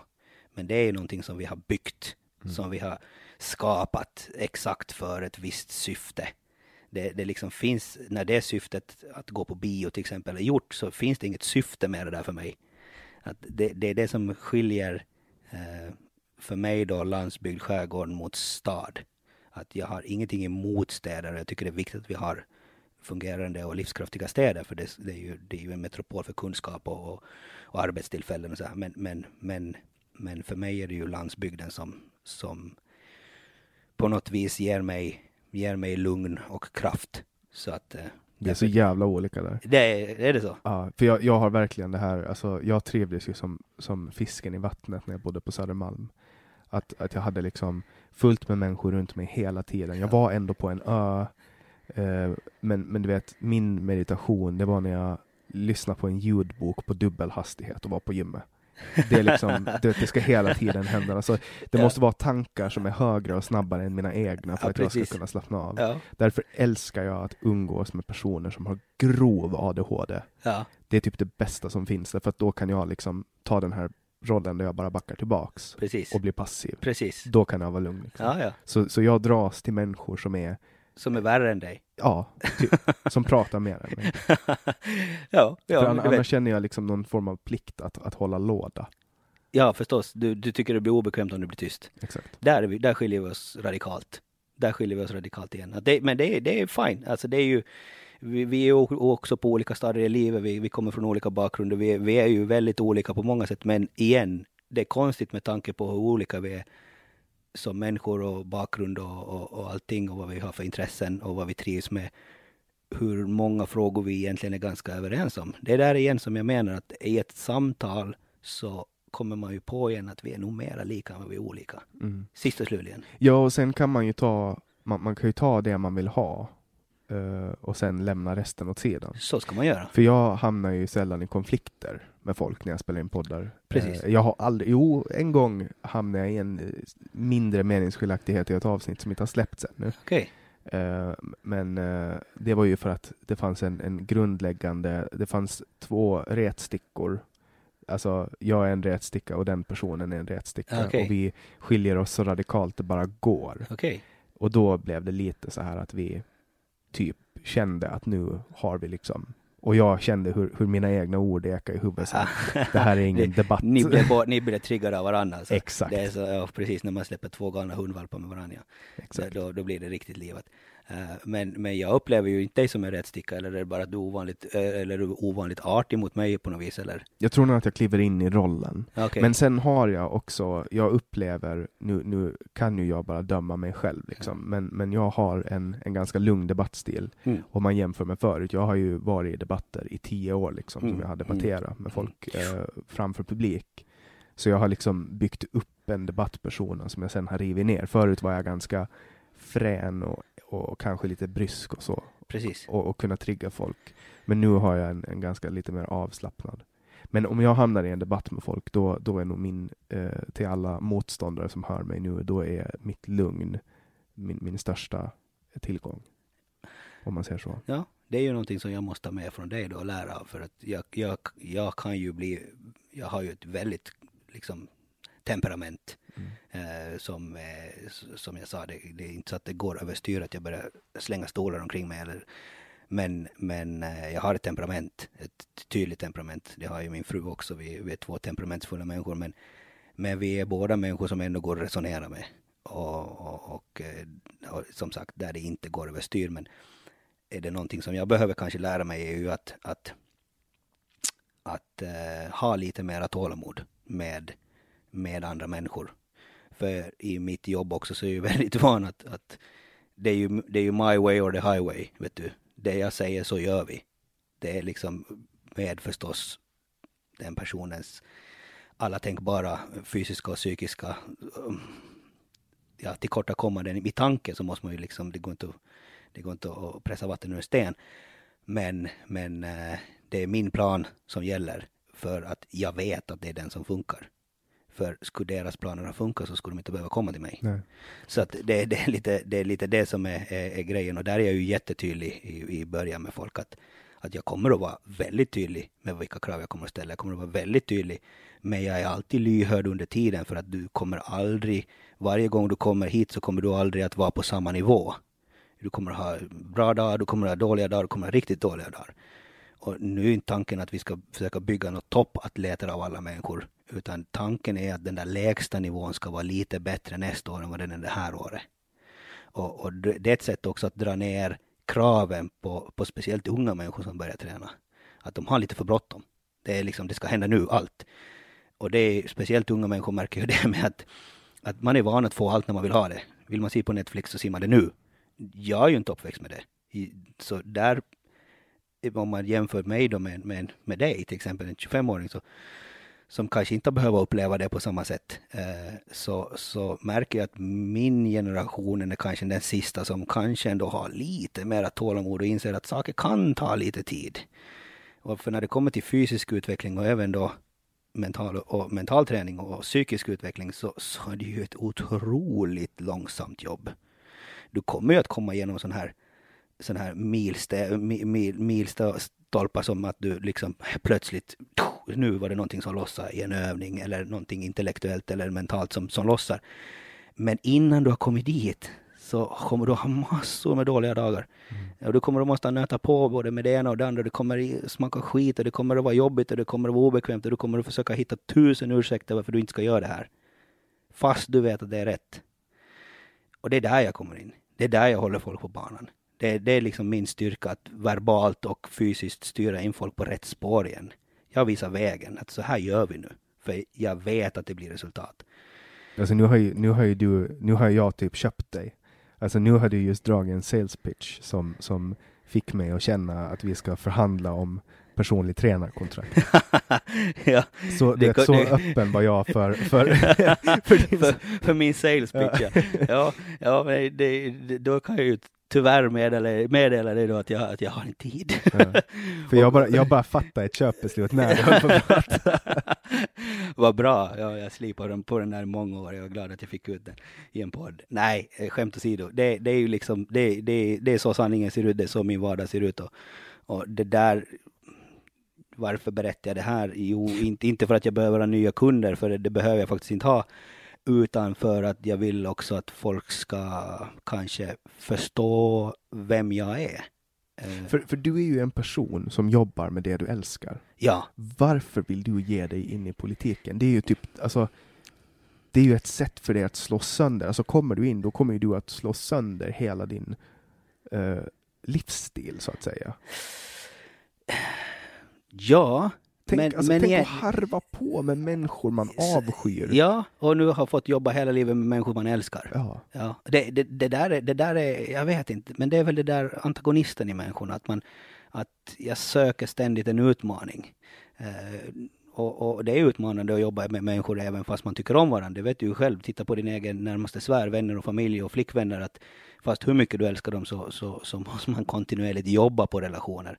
Det liksom kommer inte av sig själv, utan det är en, en, en, ett arbete som du måste sätta dit helt enkelt, för att det ska fortgå, annars dör det. Uh, däremot så i mitt arbete så, så händer det ju jättemycket rent forskningsmässigt, träningsfysiologi, näringslära, allt sånt här, träningsmetodik, eh, mentala biten, mental, mental eh, idrottspsykologi och hela den biten. Att det är så stort ämne sist och slutligen. Att jobba med en människa så är ju mera komplext egentligen än att jobba med hela universum. För att vi förstår ju inte ens vår egen hjärna. Mm. Och skulle vi, skulle vi vara så, så, så skulle vi ha så, så liksom kom, lätt hjärna att vi skulle kunna förstå den så skulle vi vara för dumma för att kunna förstå den i alla Mm. fall.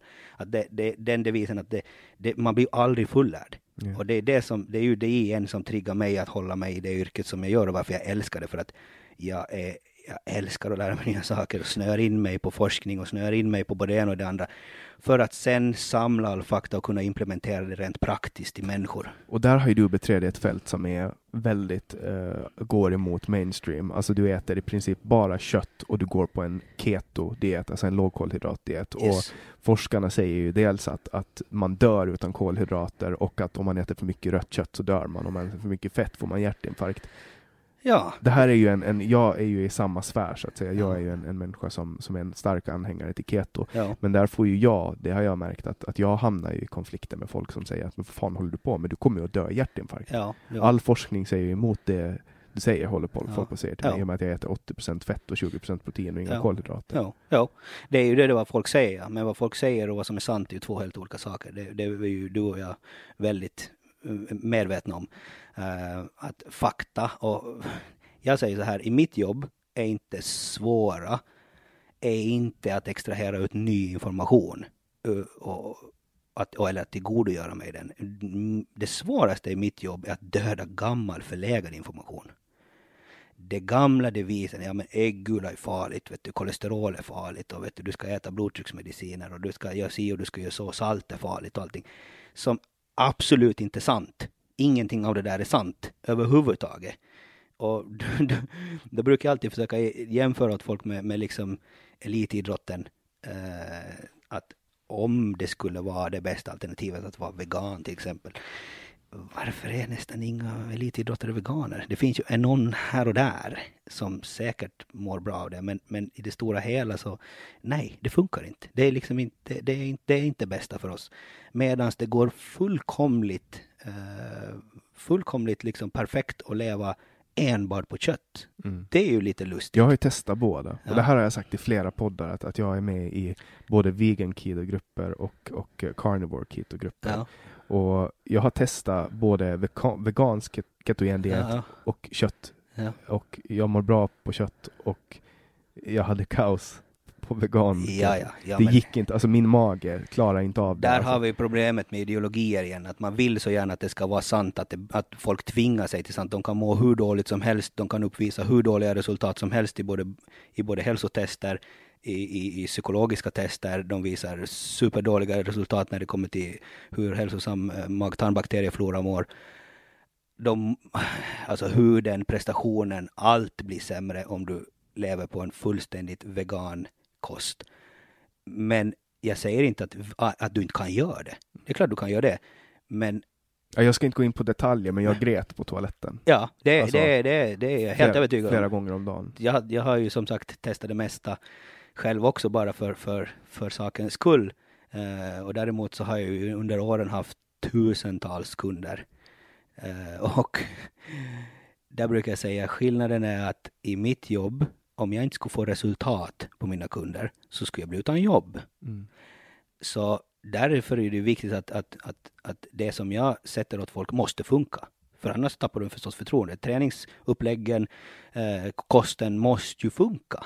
Och, och där, har ju, där är jag ju helt övertygad om att den stora massan människor, och nu generaliserar jag grovt förstås, som mår, skulle må så extremt mycket bättre på en ketogen kost. För att vi överkonsumerar kolhydrater. Och där kommer ju motståndet direkt att ja men eh, vi måste ha kolhydrater för att musklerna ska fungera. Ja, hjärnan säger ja, ja, hjärnan ska ha kolhydrater. Men det är klart att hjärnan kommer att konsumera kolhydrater ifall du ger den det. Men den fungerar ju extremt mycket bättre på keton, ketonkroppar. Ja. Jag, får, jag, blir ju, jag blir ju som en supermänniska. Ja, ja, alltså helt klart också. Ja, helt klart.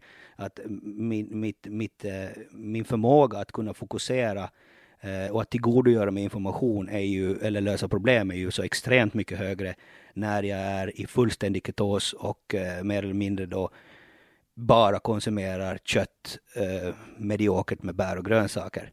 Då, då fungerar ju allting som absolut bäst. Brukar, Kanske vi ska dra en liten recap för, för de som inte vet vad ketos är, så är Ja. det ett, ett stadie som kroppen går in i när man slutar mata kolhydrater. precis. Och då börjar levern tillverka ketonkroppar och, och, och ersätter kolhydrater, då, alltså glukos, som, som bränsle med, med ketonkroppar. Ja. Och, och det omvandlas av fett. Yes. Och, och finns inte fett att tillgå från kosten så omvandlas kroppsfett till ketonkroppar. yes. Och, och det här är då, ur ett evolutionärt perspektiv, så har människan haft en större fördel av att, att gå på, på eh, fett, alltså ketondiet, därför att man har, när man har varit utan mat, när man har varit utan kolhydrater, så behöver man liksom, man behöver skarpare syn för att kunna jaga, man behöver mer energi för att kunna jaga. Och därför försätts man i ett tillstånd som många upplever som nästan extatiskt när man, man upplever, upplever det första gången.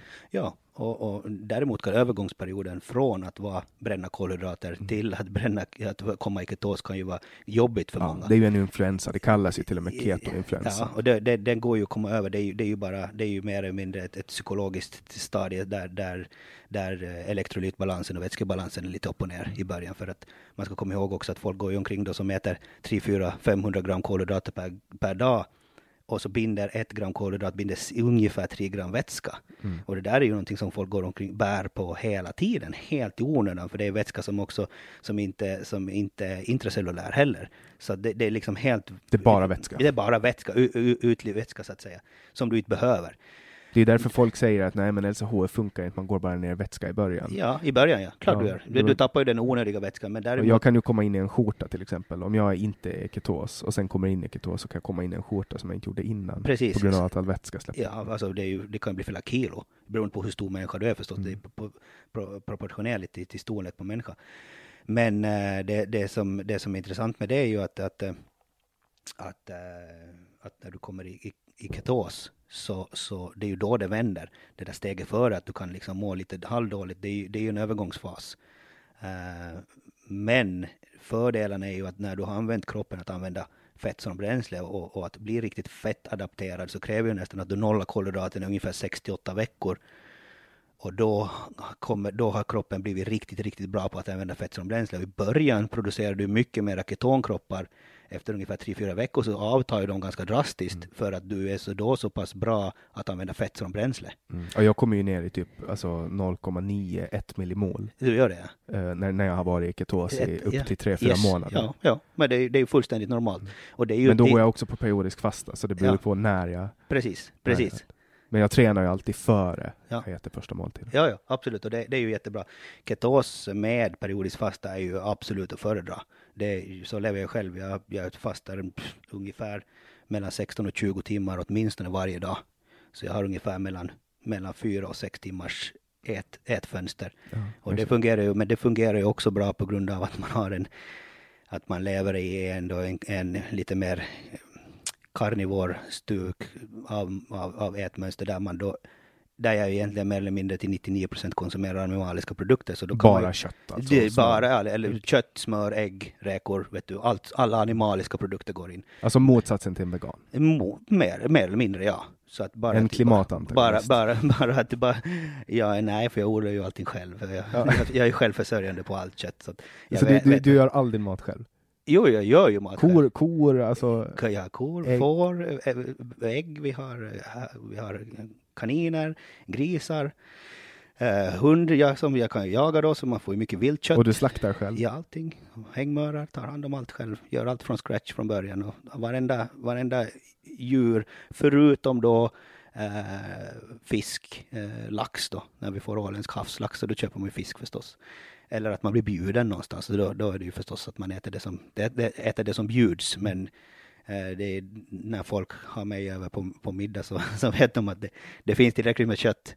Så det är liksom inget, inget problem. Men då, då vet ju du exakt vad du får. Då äter ju du kött som det ska ätas. Alltså kött som äter gräs från din egen mark. Yes, yes. Och, då, drick- är, då blir ju kon också ett naturligt, en, en naturlig del av kretsloppet. Ja, helt, helt klart. Och det, och det det- gynnar biologisk mångfald etc. Så du är ju en klimatkämpe. Ja, så anser ju jag det. Att jag har blivit påhoppad många gånger då för att man jagar och, och har boskap, så att säga, köttboskap. Men, men jag säger att mitt biologiska, liksom mitt, mitt, mitt blueprint liksom är ju mycket mindre än den traditionella stadsmänniskan som konsumerar enorma mängder snabbmat, enorma mängder av engångsprodukter och transporterar sig hit och dit och, och, och köper sojabönor från andra sidan jorden som har blivit hitflygna.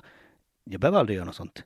Aldrig. Det, liksom, det händer inte. Jag köper ju OCA-smör och, och, och, och äter mitt eget kött och så lever ju min fru till största delen också.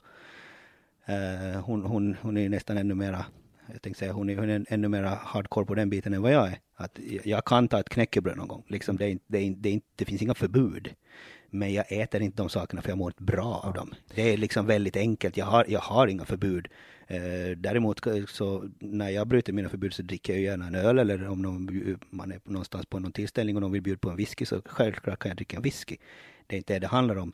Det är inte de här enstaka tillfällena vid någon högtid eller någon fest eller att, som, egentligen spelar någon roll utan det är vad jag gör det här Största delen. 99 9 99,8 procent av resten av tiden, min vardag. Och det är ju inte svårt heller för, för mig att leva på det här sättet eftersom, eftersom min fru är helt på samma, samma linje och, och, och då kan man ju liksom fundera då att när vi blir påhoppade, ja men det är ohälsosamt och vi kommer att dö både det ena och det andra. Att jag tror ju att det blir svårslaget att visa upp liksom så här bättre hälsostatus på, på, på två medelålders människor. Eh, på om de skulle jämföra då att du skulle plocka vem som helst, ett annat par som eh, då kör 100% veganskt. Så jag skulle vilja, jag skulle vilja se deras prestation. Du vet, de får jättegärna komma och jämföra. Eh, så, så får vi se vad som, faktiskt, vad som faktiskt fungerar bäst. Det som är faktabaserat och evolutionärt riktigt eller det som är nutida påfund ideologiskt styrt. Så Men din, sen din, finns det ju väldigt mycket gammal förlägen forskning där man har ignorerat vissa. Jag tänker till exempel på, på professor Timothy Noakes som gjorde en, en, eh, en studie, han, han analyserar studier. Han var ju med och tog fram en, eh, någon form av sirap som man skulle ge till maratonlöpare. ja, ja. Och sen många, många år senare så bevisar han, motbevisar han sin egen teori genom att bevisa hur fettadapterade människor presterar bättre. bättre, yes. Men att, man, man, att det handlar om det psykologiska. Att Ja. i sprint så var kolhydratsadapterade människor bättre. ja. Men det var för att de visste att de kunde springa hela vägen. Yes. Men de som skulle springa och vara fettadapterade visste att de har, kommer att ha lika mycket energi för att det var den etablerade sanningen. Precis. Men att i ett maratonlopp så kan man bränna i princip hur mycket fett som helst. Ja, Alltså och man, det, är, och det är det du kommer att göra för att när man tittar på blodsockernivåer så även fast du tar elitcyklister som du lägger en extrem mängd kolhydrater i eller en, en, en elitcyklist som är fettadapterad som har gått på en ketogen kost under en längre tid eh, så, så kommer, ju, kommer de ju att bränna ungefär samma mängd kolhydrat. Eh, och den här slutnivån, så att ditt blodsocker faller ju aldrig under en kritisk nivå om du är frisk, Nej. om du är normalt frisk människa. Så det där är ju intressant. Och tittar man då nu på, på, eh, på världsrekord i, i sprintrodd till exempel, så har ju- gjorts av en 50-årig läkare från Amerika som har varit över ett år på 100% carnivore diet. Han har alltså inte ätit någonting annat än kött. Ställer upp i en, en sportgren som är hö, då, traditionellt högglykemisk eh, och smashar världsrekordet mot alla elitroddare i hela världen. Och han är 100% karnivor, Han har inte ätit en kolhydrat på ett år. Men sen är det ju också många av de här elitidrottarna som är karnivor och keto. De, de skyltar gärna inte med det, för de vill ju inte att deras motståndare ska veta att deras hemlighet så att säga. Så, så är det. Så, så är det absolut. Det, det är ju absolut, det finns ju alltid, man vill ju hålla sina business secrets när det kommer till Men sen är det ju också väldigt lätt, jag kan förstå, jag var ju i ketos i två år förrän jag tog mitt återfall på, på socker nu i somras. Ja. Och jag är ju, jag har ju den här, jag skulle aldrig kunna göra som dig, att jag gör undantag lite nu och då. Nej, För att jag har den fysiska allergin, att ett undantag gör att jag inte kan sluta äta socker. precis. Men, men eh, det jag skulle säga är att det är väldigt lätt. Nu har jag ju testat så här när jag ändå har tagit det här kolhydratsåterfallet, så jag testar kolhydratsladda och gått till gymmet. Mm. Och det är ju mycket lättare Mm. att träna när man Ja, har den det. här energin. Det är ju alltid tungt att träna när man är ketos, men man vänjer sig. Nej, inte riktigt faktiskt. Eh, Det är inte alltid tungt att träna ketos. Personligen, så när jag la mig 100% i ketos och gick över till mer eller mindre 100% carnivore, så ökar min muskelmassa och jag lyfter mera i, i, i, jag lyfter mera i, de, i de stora lyften, marklyft, knäböj, bänkpress, än vad jag gjorde före. Eh, Fettadoptionen tar tid, men, Men tränar kan- du före eller efter lunch? det, eh, det spelar egentligen ingen roll, men helst om man, om man är i en period där jag vill förbränna mer och förbruka mer energi och kanske få lite hor- mera hormonella effekter, då, då är det alltid intressant att, då är det alltid bättre att träna i, i, i, i eh, fastande. Ja. Så För jag, jag, min, min, min, det jag jämför med är att träna i fasta, alltså Ja. efter typ 15 timmar fasta, ja, eh, jämfört med att äta kolhydrater och sen gå till gymmet. precis. Så då är det, det är en jävla skillnad i hur, hur min kropp, alltså hur energinivån så Ja, att säga. vet du varför? Det, det där är ju väldigt intressant, för det där använder man inom elitidrotten. Du har egentligen kommit på hacket. Till exempel när jag ska ha Robert att tokprestera, så fettadapterar jag honom åt- åtminstone åtta veckor före. Han kör ju nästan hela tiden, han ju nästan alltid ketos och äter ju nästan bara kött också, till, alltså till 90 procent i alla fall. Ehm, och sen när det närmar sig tävling, alltså match, då smyger vi in kolhydrater igen. Vad som händer är förstås att han kommer ju fylla upp vaskulärt, alltså lite mera vätska, få tyngd. Men han vill väl bli tung inför? Nej, ja, han är ju supertungvikt så det liksom, spelar ju inte så stor roll. Men inte, inte, nu ska vi komma ihåg att det är ju inga extrema mängder. Men vi fyller på med kolhydrater för när du sen är fettadapterad. Så kolhydrater, oavsett hur du bygger upp det så kan du ha kolhydrater i kroppen om du vid hård ansträngning ungefär en och en halv timme, 90 minuter ungefär. Sen är det slut. Men är du fettadapterad och lägger in kolhydrater så kan du använda båda som bränsle Det blir som samtidigt. nitro. Det blir nitro. Du kan använda både fett och kolhydrater som bränsle alltså på, simultant. Alltså. Och om kolhydraterna tar slut så är det inga problem för kroppen om den är fettadapterad. Det bara fortsätter. För att det, det, då tar den av fett istället. Och det är det här, så du har egentligen kommit på hacket. Det, det, det är där, nu, nu avslöjar jag lite sådana business secrets. Så som man gör för elitidrottare. Finns det egentligen ingen större liksom, funktion för en vanlig motionär nu då inom situationstecken. Förutom ifall du kanske ska fara och göra, eh, om du kanske vill ha, ha en period där du ska göra ett nytt maxlyft eller en ny, ny eh, rekord i någon sprint eller någon, no, någonting sånt. Att du ska, där du ska liksom försöka slå dig själv så att säga. Då, finns det ju, då kan du använda det här som en strategi i det. För problemet för mig är att jag triggar ju på alla kolhydrater jag äter. Du gör det? Alltså även jordnötssmör. Blodsocker alltså, eller, eller, Ja, det- eller, det är eller nog- mentalt menar Jag, du? det är nog kurvan, blodsockerkurvan Ja. som triggar dopamin. Okej, Som gör att min, mitt sockerberoende triggas. okej. Så att, Du- så att jag har ju länge Du är försökt... hyperkänslig alltså? hyper, hyper, hyper. Okej, ja.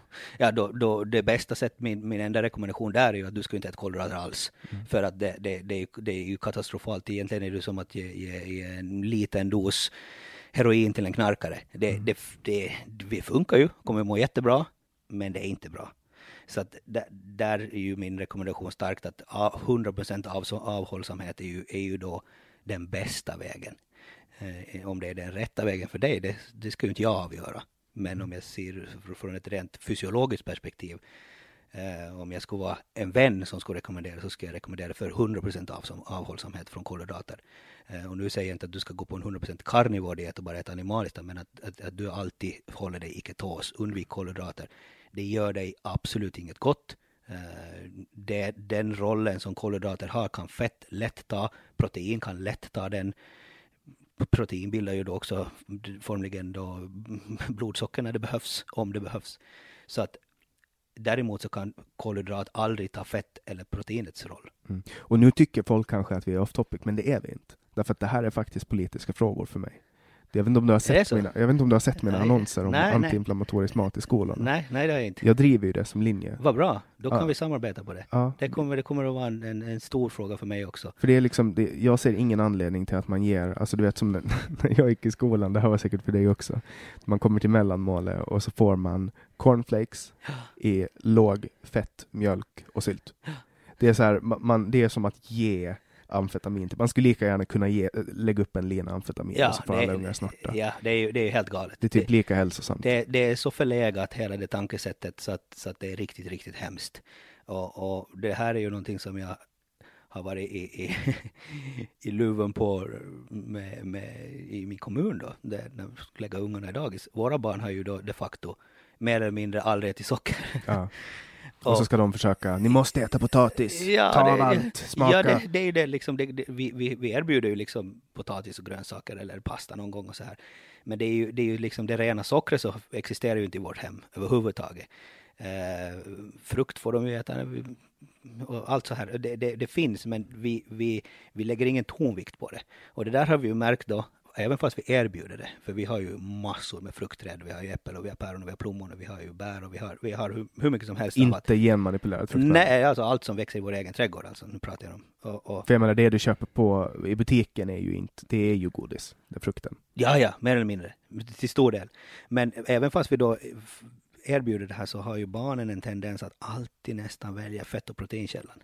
Mm jag brukar säga så här att det finns ju någonting instinktivt med småbarn. Hur, hur får man småbarn att äta broccoli? Liksom? Vet du, det är ju ingen som instinktivt tycker om det ens. Ost och, och, och, och eh, till exempel du vet, kött och, och, många andra saker, fisk och så här, så kan ju många barn vara helt naturligt liksom nöjda att äta. Men, eh, men eh, våra barn har ju då helt enkelt liksom, jag vet inte om det är att, att de känner efter och vi har ju försökt, vi har ju försökt att inte det är inte att vi sitter och diskuterar näringslära med barnen, utan, utan frågan är varför äter vi inte socker? Så brukar jag säga bara att nej men för att man mår inte bra av det. Utan vi vill försöka äta mat som gör dig stark och pigg och glad. Vi försöker egentligen det enda negativa som vi pratar om mat hemma. Annars så all dialog vi har om mat, för det där vet både Fanny och jag eftersom hon också personligt tränar och jobbar med, med de här frågorna med grupper och med folk eh, enskilt också, är att, att de som ofta har en snedvriden syn på kost så har ju oftast fått en väldigt negativ syn på mat. Man får inte äta det, man får inte äta det, man får inte äta si och man får inte äta så. Och det där tror ju många att vi har hemma. För mig är ju det lika naturligt som att, man, att, att barnen kommer hem när de är 16-17 och säger varför dricker, varför dricker inte ni alkohol i den här familjen? Ja. Nej, men för att vi inte vill, för att det inte är nyttigt. Precis. Liksom. Precis. Det, det är ingen, det, och sen många gör det. Ja. Absolut. Och kan hantera det hur bra som helst. Och kan, och kan också vara öppna med det. Att, att vi dricker, men vi dricker måttligt och låter inte gå överstyr. Och, och, så här. och det är ju också helt fine. De flesta som säger att de dricker måttligt gör ju inte Nej, nej, nej, nej, nej. Men, förstås, nej, för en, person, men då kan en person som dricker måttligt behöver aldrig säga att de dricker måttligt. Eller hur? Det faller på sin egen rimlighet. Ja, men, men min grundtanke där är i alla fall att, att, att försöka alltid prata positivt om mat till barn och ungdomar. Att det här ska du äta. Det här ska du äta mycket av, det här kan du äta mediokert av, det här ska du äta sällan. Men försök att, att ha en positiv inställning till mat. Bjud in dem till matlagning och var delaktiga. Som jag då tycker att, att jag eh, har lyckats med, eller vi, min fru och jag, att, att våra barn är ju med från, från att från att griskultingen kommer eller från att kalven förlöses så är de ju med och de är med varje dag. Vi har ju förstås ett, ett ansvar att ta hand om dem så varje dag ska det matas, det ska utfodras, det ska kollas att alla mår bra. Det ska liksom bytas vatten och det ska liksom tas hand om alla de här djuren också förstås. Det är ju, det är ju flera timmar varje dag, därför har vi ingen TV i vår familj. Vi sparar inte tid på den. Uh, och det här gör ju att de är med sen vid slakten de får liksom vara med vid, vid avlivningen, de är med vid slakten, de är med när vi tar tillvara på fårfällar, de är med när man plockar ut hjärta och förklarar här är det, här är hjärta, här är Alltså nu ringer ju min PK-klocka Ja. som säger att nej, man ska inte exponera barn för slakt. Men vadå, man har ju, alltså, man har ju alltid slaktat djur. Liksom. Allt, alltid, eller hur? Men det, det är helt okej att slänga fram en, en fiskpinne. Vet du, så här. Det är, det är en, en fiskpinne är ju också en död fisk, men det är bara förpackat annorlunda. Så igen, jag tror ju inte på att man ska avskärma barn från det faktiska livet, hur det faktiskt funkar. Och Och, ju de får, lära, och får de lära sig det här att det här gör vi på det mest humana sättet. Det här djuret har behövt lida minimalt. Det är tiden den fick i livet så var det bästa vi kunde ge den. Och vi har också velat ge den så bra mat som möjligt för att då ger den också så- oss så bra kött som möjligt. Och på samma sätt som, som det här djuret då, liksom som, som vi nu äter det här djuret. Djuret äter gräs. Vi äter djuret. Vi dör och vi blir sen till växter. Mm. Liksom, och så äter, det, så äter de här djuren, kanske en ko äter dig sen. Vet, förstår Mm. du? Näringen som kommer ur dig. Det här är ett kretslopp. Och får, de- får, får, får de delaktiga det här redan tidigt, att, att, att det här är fullständigt naturligt för dem. Alltså det, det är som inga problem. De har ju sina egna kaniner, som vi har, en köttraskanin som vi har, och det är ju barnens.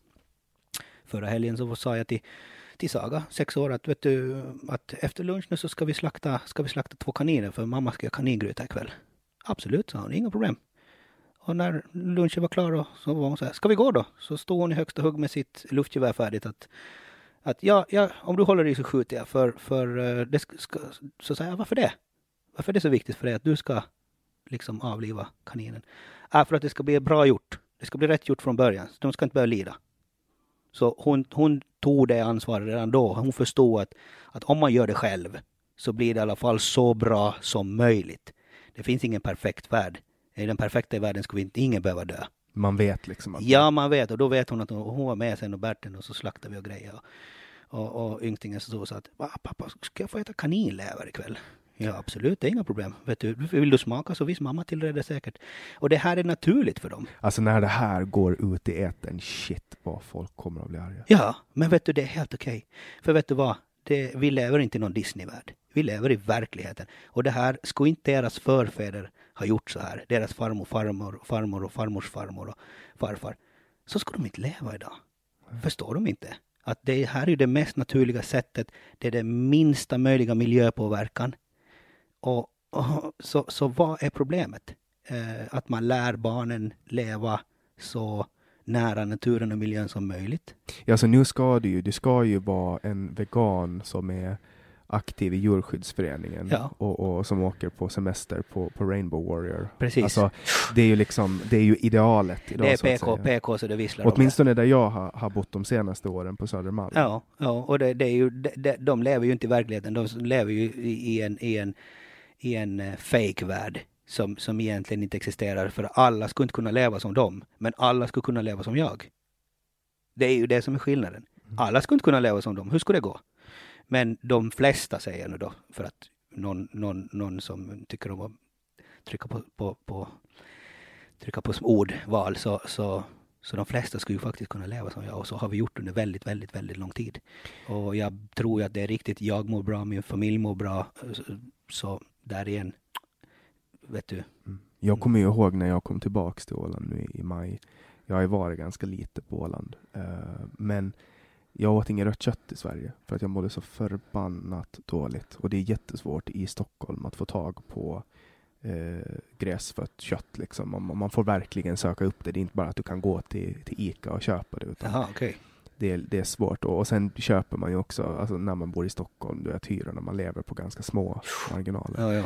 Och när jag kom till Åland, alltså jag kunde inte äta det röda köttet. Jag mådde jättedåligt av Ja. det. Och man känner ju direkt, när man, speciellt när man är keto-adapterad och stoppar in någonting nytt i systemet, Yes. så märker man ju om magen kollapsar eller inte. Och, och varje gång jag åt rött kött i Sverige så havererar min mage. Men här, när man kommer hem och äter Dalmans, alltså, Det är ju en milsskillnad. ja men det är nästan så att man vill äta det rått. Ja, alltså, ja. ja. Typ och, det, så. och det gör jag gärna. Mm. Du äter rå, rått kött. Biff, biff tartare är ju kanongott. Och du, men, men eh, du, föder upp djuret, Ja, du slaktar, styckar, styckar, hängmörar hängmörar och tillagar. och, och fin, fin detaljstyckar och fryser in och tillagar. Så Den då är Okej, nu, nu kommer jag få min fru på mig. 90 procent av fallen tillagar hon. Mm. Ja, resten så gör vi båda två. Det man måste vara flera när man gör det. Det är Ja. så pass fysiskt tungt. Så. Och äter du råa inälvor? Eh, nej, råa inälvor har tycker jag faktiskt inte av den enda enda anledningen att jag inte tycker att det är gott. Däremot äter vi mycket inälvsmat. Vi tar ju alltid vara på levern, vi tar alltid vara på hjärta. Njurar tycker ingen av oss är speciellt gott. Lever älskar alla i vår familj. Barnen är helt förtjust, superförtjusta i mammas leverbiffar med lite lingon. Det är liksom stor, stor kalas. Eh, försöker ta vara på blod när det går. Eh, så att... eh, så För det här är ju en grej som är väldigt, alltså det finns ju, jag tycker ju att de är ganska roliga. När, när, när du vet, det finns en kille som heter, eh, en, en youtuber som heter Sweargy. Ja, Han, det, det skrivs som Sverige men han uttalar det så av någon ja, anledning. ja. Eh, när han tar med sig en stor jävla kolever och så står han utanför en vegankonferens och Ja, äter jag har den. sett det. Ja. Så, och det här är ju liksom, det här är ju extrem carnivore. Han äter ju bara inälvor. Ja, ja, ja, extrem variant ja. Och det, det finns ju ingen vits egentligen att bara äta inälvor för att eftersom vi, hela, hela djuret går ju att äta. Det är ju det som är det lustiga. Så att vi, vi tar ju som sagt tillvara på tungan och tillreder på massor med olika sätt och, och vi gör grytor och, och lammryggar eller rådjursrygg är ju en favorit, den gravar jag bara. Och liksom salt och peppar på och vakuumförpackar över natten och sen skivar man upp tunt och så bara äta. Där har ju vi en sån jäkla tur för att Kajsa har, eh, hon har ett gods i Småland och alla som jagar på hennes mark får ju komma med kött. Aha, Så de har alltid en välfylld kyl. Det är ju Eh, perfekt det. Ja, så vi tar med oss vilt. Så det har faktiskt varit mitt undantag. För när jag äter vilt, Ja. Då, då havererar inte magen. Nej. Det var så jag märkte det. Ja, det är ju också lustigt. Var, varför är det så? Eh, och det, det har vi ju att... Det måste ju vara med maten de äter, Ja, det är klart. Det det är klart ja, och, och inte bara maten de äter och sen eh, användningen av antibiotika. Och Eh, generna kan jag tänka mig. Säkert skillnad på ras också, därför har jag valt en så, så långt tillbaka ursprungsras som man kan då idag. Inte som man kan ska jag väl inte säga, men som jag fick tag på, det är ju Highland Cattle då. Ja. För den är ju extremt liksom, bra på att klara sig i vårt klimat. Den äter allt. Vet du, det är inga problem. Den älskar ju att äta sjögräs till exempel och det har vi massor runt vårt hus eftersom vi bor på en udde så att säga, har vatten runt alltihop. Och det är mycket muskler på dem. Ja, det är mycket muskler. Det problemet som har varit med dem, varför man inte har farmar dem mera, är ju att de är långsamt växande. De växer, det tar ett år liksom längre än om du skulle stalla en, en, en vanlig köttras, en charlois eller något sånt och, och ställa den i ställa den i, i, i en ladugård och, och proppa i den, proppa i den gräs och, och vad, de, vad de nu ger dem. Så det, den växer ju långsammare men kvaliteten på köttet är ju liksom, ah, det är ju så, det är ju kokött men det finns en vilt ton i det någonstans som, som, som för mig är väldigt attraktiv. Jag tycker att den är jättegod. Och, Får ni någonsin slut på kött? Alltså nej, nej, det går inte. Liksom, det går inte. Vi, vi, måste ju, Mm. vi måste ju oftast ge bort den liksom när, när för slakt.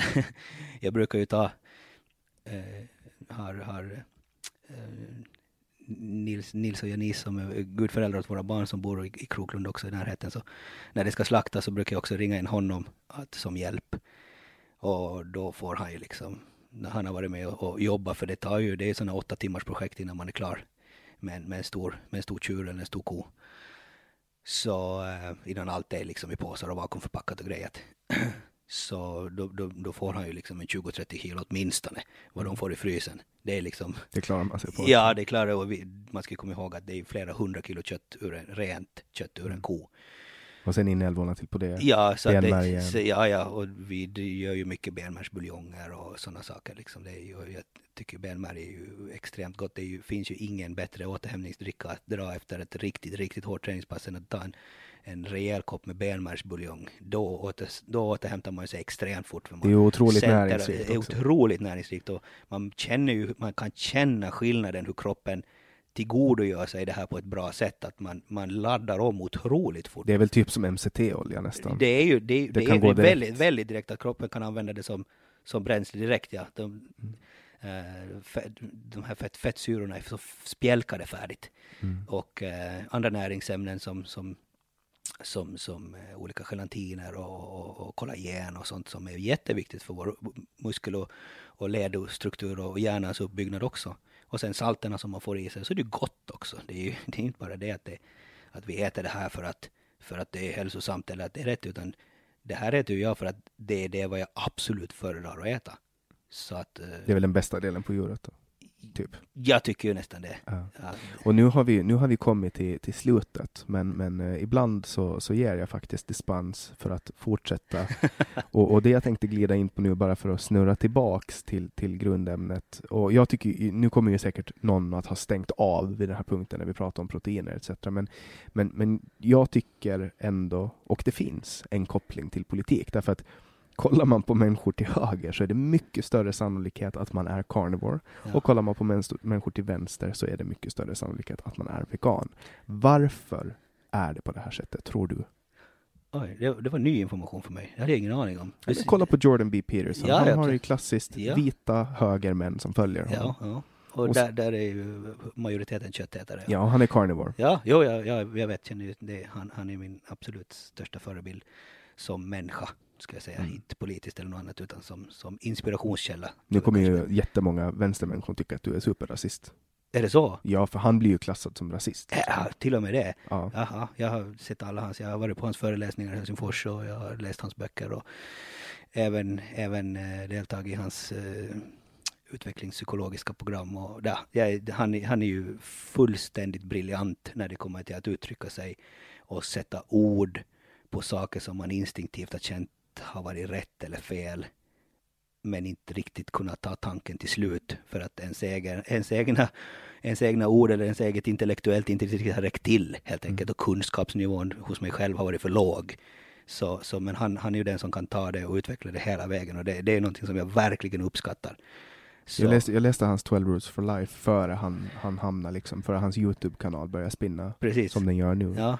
Och, och jag tyckte inte att det var något kontroversiellt. Nej, egentligen inte jag heller. Jag, jag, det däremot så sprängde ju min hjärna mera gånger för att jag tänkte att herregud, hur, så här har jag alltid tänkt men aldrig kunnat sätta ord på det. Det är svårt att hänga med hans resonemang. ibland. Ibland, ja absolut. Jag måste ha läst den flera gånger och jag köpte ju den engelska boken först. Nu, är det nu behärskar jag ju engelska liksom bra på det sättet men jag, jag måste nog läst den två Mm. gånger för att ja, det var vissa saker som jag var så här. Jag har läst den "Men- både på svenska och engelska. Du har det? Men sen kom ju där Margot Wallström kom ju efter Skavlan-intervjun och sa kryp tillbaks till stenen när det ja, det visar ju på en extrem inkompetens ja. Och nu är ju inte hon kvar sen, Ja, som tur är. Ja. sen förra fredagen. Ja, det är ju jätteskönt. Ja, ja. Och, och det var ju också Skavlans program som var ju ganska intressant hur, hur okunnig och extremt faktaresistent Annie Lööf kunde vara. Vet du, när man sitter och diskuterar med en av världens mest framstående utvecklingspsykologer och som är, som är professor. Och du sitter och säger att men jag kan ju känna. Och jag Ja, tycker, för mig framstod det ju som att hon inte riktigt förstod engelska. Nej, nej, alltså jag, ja, det är ju också ett problem då. Om du, om, du, ja. om, du, om du sitter i den ställningen som hon gör och inte kan tillräckligt bra när, när en, en, en jag tänkte säga en bondpojke som jag hänger med. Så att det, är ju, det är ju beklagligt då. Mm. Men sen tror jag också att hon gick in med ganska mycket fördomar i det där. För att, för att folk dömer ju ofta en på vad man har för följare. Och han har många högerinriktade vita män som uttrycker sig klumpigt på nätet. Ja. Och därför så ska han få svansskam. Men det stämmer ju inte riktigt för när man tittar på, på ehm, och det där är ju intressant för, som du säger för att han får ju mycket det epitetet på sig att det är vita män som följer honom. Det stämmer, kallas det. Ja, men det stämmer ju egentligen inte riktigt när man börjar analysera det. Han sa att det är ju helt naturligt eftersom största delen av Youtube-användarna är män.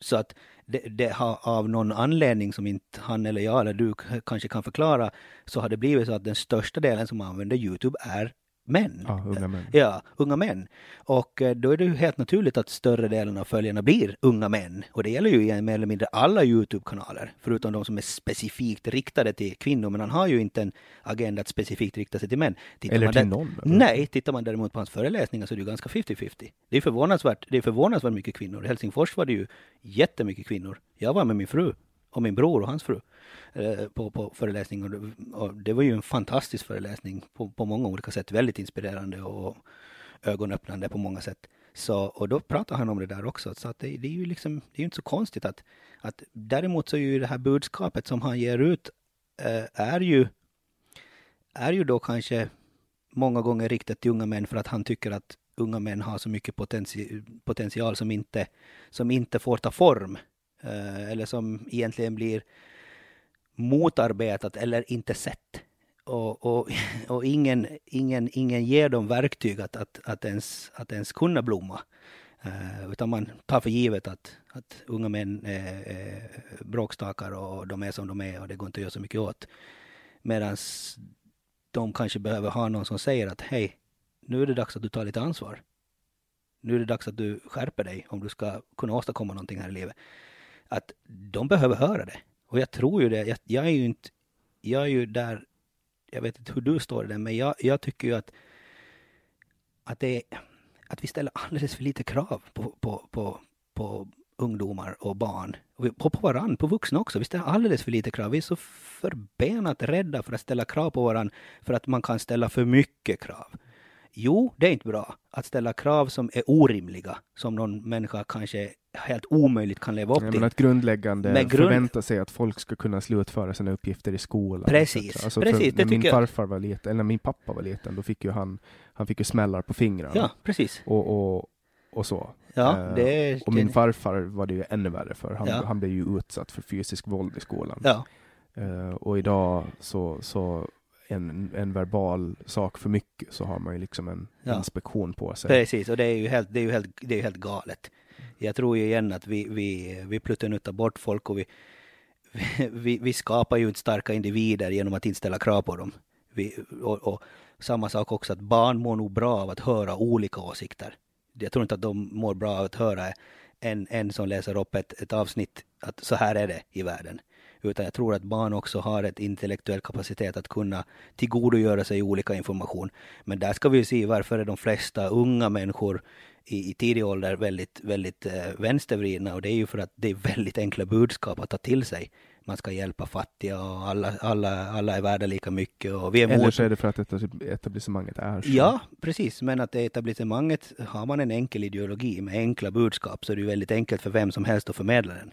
Jag menar att, att lösa komplexa situationer kräver ju, kräver ju arbete och, och kunskap. Men det, det, det, är ju kanske för svårt många gånger. Men att säga att vi är emot, vi är emot fattigdom.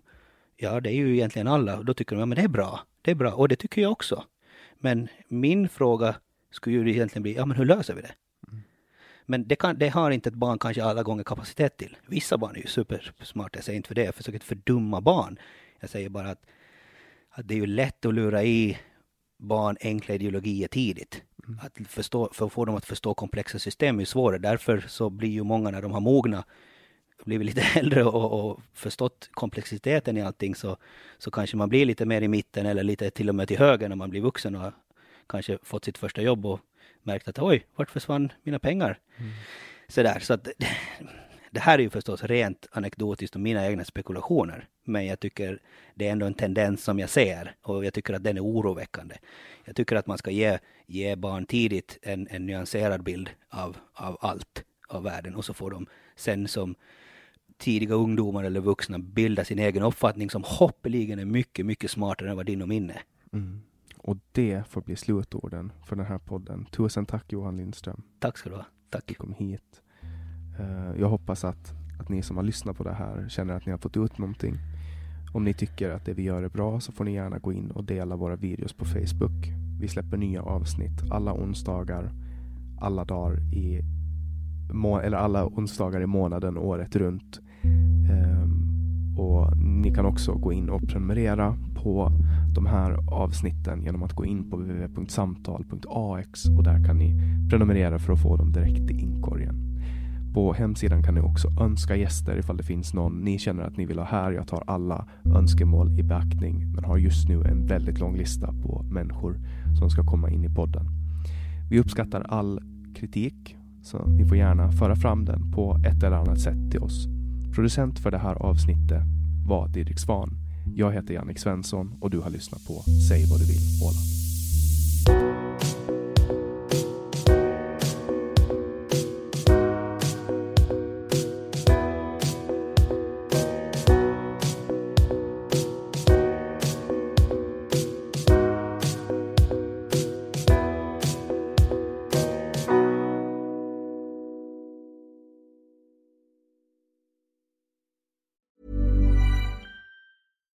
Deserves the best, and there's no better place to shop for Mother's Day than Whole Foods Market. They're your destination for unbeatable savings, from premium gifts to show-stopping flowers and irresistible desserts. Start by saving 33% with Prime on all body care and candles. Then get a 15-stem bunch of tulips for just $9.99 each with Prime. Round out Mom's menu with festive rosé, irresistible berry chantilly cake, and more special treats. Come celebrate Mother's Day at Whole Foods Market. Even on a budget, quality is non-negotiable. That's why Quince is the place to score high-end essentials at 50 to 80% less than similar brands. Get your hands on buttery soft cashmere sweaters from just 60 bucks, Italian leather jackets, and so much more.